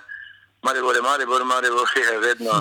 Uh, to pač po Olimpiji, Maribor, hvala Bogu, da so te derbe, da so, da so tu ekipe značene, to je pač dobro za, za slovenski nogomet, da, da, da se nekaj dogaja, da, da smo tu, da, da je pač duše drugačno, da je, včasih pa je, je prevzel samo Maribor, zdaj je tu Olimpija blizu, Olimpija še vedno prva, Maribor je zmagal, prvenstvo postaje bolj zanimivo in to je dobro samo za slovenski nogomet. In še to, ne, nekako lani se je pokazalo, da Mariboru nekako lokalni derbi, ki so nastali v tekmah za Zavrčem, ne ležijo. Ne. Lani sta se Maribor in Zavrč kar konkretno spopadala med sabo, letos ima Aluminij že zmago, čez dva kroga prihaja Maribor v Kidričevo, kaj lahko pričakujemo? Ja, gledajte. Se pravi, mi, mi, mi se ne, nas ne, Maribor, dobro, mi, mi, Maribor je favorit, mi, mi bomo šli proti proti Mariboru, sigurno igrati sproščeno, to ni, to ni dobenega dejstva, da mi, mi moramo to- iskati točke tam, je našim gorentom, no, za- uspeva zaenkrat, ne, mi smo premagali Krško, uh -huh. igrali smo z Radovnem, ni rešeno. Zdaj smo Radovne premagali, tu, tu mi moramo iskati. Proti Mariboru pa seveda, fanti, to je derbi, ne, Maribor je ipak, je, prvi klub slovenske, prvi klub Slovenije, poleg Olimpije. Ne?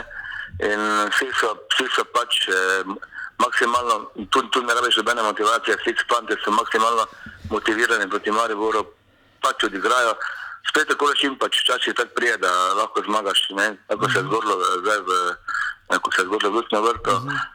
Mislim, da bo zdaj tekmo čisto drugačno. Se pravi, mi imamo nekaj problema z poškodbami, mm. nisem več čekal kadar, ko sem bil. Ampak sigurno, ko bomo igrali proti Mariboru, bomo, bojo fanti, jaz vem, da bojo sami od sebe že eh, dobesedno motivirani, ne 100%, 200%, tako da nikoli ne veš, nogomet je vse mogoče. Ne? Čaka vas pa seveda še obračun s Krškim, ki bo tudi nov, nov pester boj za točke. Ne? Ta, ta tekma, mene, mene, ne, mene zanima, Maribor, mene zanima, niti s- torej Olimpija, mi- mislim, zanima, mi bomo že tekmovalno tekmo, ko smo šli proti Kopru. Uh -huh. Ampak dejstvo je, da nam je prioriteta sigurno na prvenstvo. Ne, in, in, Zdaj smo premagali Radomne, kar smo eno stopnico preskočili. Najbolj pomembna tekma bo pa sigurno tudi za nas eh, tekma z Krškim. Mhm. Gospod Špehone, najlepša hvala, da ste si vzeli čas in za ta zelo, zelo izčrpen pogovor. Tako da aluminiju pa čim več sreče in se vidimo, upam, da v čim bolj sončnem vremenu, čim prej v Kidričevem. Ja, hvala. Lep dan, hvala, čau.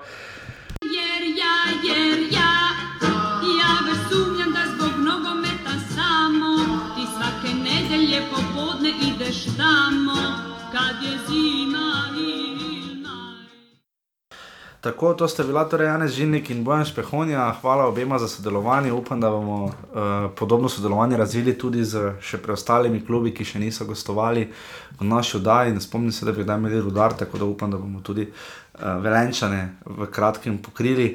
Um, in to je to stanje na lestvici, uh, kot sva rekla, nobene spremembe. Olimpija ima točko prednosti še pred Mariborom, ta ima 4 točke prednosti pred Domžalami, ki imajo 23 točk, potem Gorica 21, celje 20, Koper jih ima 18. Tu se misliš, da se bo lestvica razdelila na pol ali na tretjine. Ja, mislim, da se bodo držali Gorica v celje, borili za Evropo, mm -hmm. da se bodo ti tri borili za Evropo, prva dva za prvaka, vsi ostali pa oziroma vsi ostali. Ja. Ostali štirje pa za. Predvsej za tisto tisto deveto mesto. ja. Kot je izpostavil Bojan Špehonec, samo enkrat zdaj se je zgodilo, da je drugo vrščeni v dodatnih kvalifikacijah premagal deveto vrščenega iz lige in se potem na ta račun uvrstil v ligo, če ne upoštevamo licenčnih zadev, da je deveto vrščeni ali še više vrščeni klub izpadel iz lige. Um, tako to je to, uh, zgodilo se je šok v drugi ligi. Triglavani so po desetih zaporednih zmagah izgubili z Ankaranom, ki je pa drugi na lestvici. Tako da to pomeni, da vsekakor ni za odpisati dvoboja v uh, drugi ligaški konkurenci, uh, kjer ima sicer 33 točk, uh, Dob 24 in pa Ankaran 23. Tako da mislim, da glede na to, kaj smo že vse videli v drugi ligi, ki jo je pred dvema letoma osvojil Krško, ki je bil po polovici sezone, mislim, da pred zadnji, uh, je vse možno. Tvoje mnenje je tu, uh, razen da vidimo, da je zahodni, vzhodni del Slovenije res popustil, vrže Zavrč in Drava. ne. Um, tvoje mnenje o drugi ligi? Uh, Pa, mislim, da se bomo Bi se Triglo boljše odnes, obnesel kot Radom, ne? glede na prikazano najbrž ja, ne. Ja, ampak to je zdaj samo predvidevanje. Vprašanje je, vseeno je prva liga zelo kakovostnejša in napornejša za ekipe. E, vprašanje je, če bi lahko. Mislim pa, da je dobro za tri glav, da imajo čim boljšo sezono. Zdaj pa, da A, potem pridejo in pripravljeni. Potem, in potem v enaki zasedbi pridejo na- v naslednji sezoni v prvo ligo in so enostavno konkurenčnejši kot mogoče zdaj Radomlje, ki so pa v primerjavi za prvo sezono v prvi ligi ogromno spremenili ekipe in eh, zato mogoče zdaj tudi niso tako konkurenčni. Derbi vseh derbijev je bil pa odigran v, v Beltincih, kot rečeno na začetku, daje, kjer se je po dolgem času zgodilo, da, da ŽNK Pomorje oziroma TLNGM, kot se sponzorsko klub imenuje, ni na vrhu, temveč je na vrhu šele dve leti star klub Olimpija Ljubljana. Ne? Ki ima šest zaporednih zmag, ena proti nič so zmagale Ljubljančanke v tekmi. To si res pogledaj, šanse levo, desno, štange, prečke, penal, zgrešen, res ni da ni. No. Tako da meni je prav žal, da nisem šel uh, na to tekmo, ker uh, je tudi Peter Dominko napisal, da je ponovadi tako, da je na, ženski, na, na ženskih tekmah ogromno priložnosti uh, in zelo odprt. Nogomet so pa res brutalne gole razlike v, ja. v ženskem nogometu. ja. Ženka Pomorje ima 46-2 gol razliko, Olimpija pa 27-1. ne. Uh, tako da po šestih krogih, ne, kar, je, kar pomeni, da bomo videli res um, zelo velike rezultate v zadnjem krogu, Ajdoščina, Fužinar 11-0. ne. Uh, tako da to je to, kar se tiče ženskega nogometa, ki se mu bomo posvetili v naših zimskih oddajah, ko bomo gostili, pripravili morda posebno oddajo tudi za sodnice in tako naprej, ker upamo, da bomo zvedeli še več stvari, da bomo predstavili res čim širši nabor slovenskega futbola. Uh, dolžna smo vam še redne rubrike. Uh, tokrat uh, se, kar se 13. kroga tiče, uh, Klemen, gol kroga je jasen. Amar. Amar Rahmanovič, uh, Vrašlje. Uh, čeprav tudi Dangovičev gol bil slab, Novakovičev gol je bil fenomenalen. Tudi od aluminija. Tudi od aluminija, je drugi gol. ne. Uh, njegov je bil zelo lep, igralec kroga. Jaz bi dal tovarec. Jaz tudi, zanimivo je, da Marko za Tavaresa, dve podaji, prečka, uh, suverena predstava. Uh, Tako da res dobro. No? Um, bomo videli, kako bo to za naprej. Ne, me nekaj čudno gleda. Ne, ne. ne, ne. Uh, menjava kroga, Luka Zavovič. Ali pa Rahmanovič, ali pa Rahmanovič. stopila in zadela. ja. No, sta stopila in zadela. Uh, trener kroga, pa tokrat res lahko rečemo. Darko Mijanič. Darko Milanič, absolutno. Um, zadovoljen je bil, no, res zadovoljen. Ja. Privoščiš mu, no, požvižgi jih mu, zdaj Fantazija. res. Fantazija. Tudi to smo dali, nekaj mislim, da na začetek oddaje fantastično. Ne tako kot čevlji Luke, Eliznerja, pa vendar. Uh, navijači kroga, uh, Green Dragons, fenomenalna koreografija na začetku tekme. Ne vem, če televizija mislim, ni pokazala. Uh, na začetku tekme je bilo, kaj pa če vse res, pa tako sculo, tako neki ptič, ali ne vem, o, kao žaljeni ptič z culo in potem, kaj, kaj če vse res, potem so bili črni napisi, da se je zelo lepše videlo, so se videli um, napisi, ki sicer. Bi jih Dragonci pripisujejo violam, Novakoviča ste nam podvalili, NZS Mafija, Neck, član Green Dragonsa in podobno. Tista Novakoviča ste nam podvalili, se je izkazala malo kruto, ker je ravno v gol pred Green Dragonsi zabil. Um, Milivoj Novakovič, ampak moram reči, da meni je res ta princip pri Dragonsih od leve do desne, da res navijajo čisto vsi, recimo z rokami. Res je lepo zavedati, pa tudi ostali del stadiona, kot je rekel Matej Klinsklino, da se ne spomnim, kdaj bi celo tekmo stal na vzhodni tribuni in so res, uh, res dobro navijali. Vse čestitke pa teror, boj sem še enkrat za. za uh, Za uh, stranje v dežju in pa mariborskim navijačem, da so se v takšnem številu udeležili uh, v Stožicah. Ja. 13.770 gledalcev, Mariborčani so 1050 kart pokupili že 2-3 dni pred tekmo. In uh, vprašanje je, kaj bi bilo, če bi 2000 kart imeli na voljo, ne? verjetno bi jih pokupili, uh, kar je samo dobro, ne? kar se tega dela tiče. Uh, morda Klemen, uh, ne moremo mimo dejstva, da je bilo več gledalcev na derbiju kot na tekmi z Anglijo. Ne? Kar pomeni, še vedno sicer pritegne. Pri, pri največjih olimpijah, pri olimpiji res obisk za njih, brutalno na derbiju. Še vedno greš gledati tekmeca, tako gledano, ne, ampak vendarle tam so bili tekmeci runi in ostali, je pa tu verjetno cena kar svoje odigrala. Ne. Res svoje, a tudi vožnja mogoče, a, da bi dvakrat v enem tednu nekateri eh, odšteli toliko denarja, tako da so pač zbrali eno tekmo, so zbrali pač derbi. Je pa to bila, po mojem, domač tekma, kar se domačega obiska tiče, rekord za Luko Elznerja. Kot Za trener. dosti novo, ne? Z- Ja, mislim, proti West Hamu je bilo koliko 8000 ljudi na tekmi, če se prav spomnim, ne? Uh, ko je vodil še domžale. Ne? Zdaj ima pa 13770 gledalcev. ne. Pa, pa v Londonu še več. Ampak ti so bili gosto, gostujoča tekma, govorim za domače, oziroma v Londonu je bilo malo morja. Ja. Tako da uh, nič, to je bil derbi, to je bil 60. offside, danes smo bili res ekstremno dolgi, tisti, ki ste prišli do sem, uh, vam bomo stisnili petko. Uh, Jaz sem zadnjič dobil na novinarski konferenci, da smo dobili novinarji drese, uh, nove predstavljene na NK Marivora. Dres je sicer gostujoč, je pa od Markoša Tavaresa, to nam pač, ko je zavarovalnica Sava uh, predstavila nov logotip na dresih Maribora. In jaz sem se pač odločil, da bomo ta dres uh, enemu od poslušalcev uh, na nek način podarili. Imamo še vedno lanske dolgove za poračunati, uh, ker sem jaz pisal tistim navijačem, tako da imamo še vedno bidone od krškega, dres, gostujoči dres od domžal, tako da to še vse pride na vrsto, bomo organizirali ob koncu jesenskega dela, pa res eno resno, uh, resno nagradno igro ali karkoli za zvestobo. Eh, Klemna že lulat, Jaša bo še samo povedal, uh, offside, domžalčanih imajo 36, Maribor in celje in aluminij imajo 31, rudarjih ima 29, Gorica 28, Radomlje 23, 18 jih imata Olimpija in Krško, zadnji pa je 17 offside.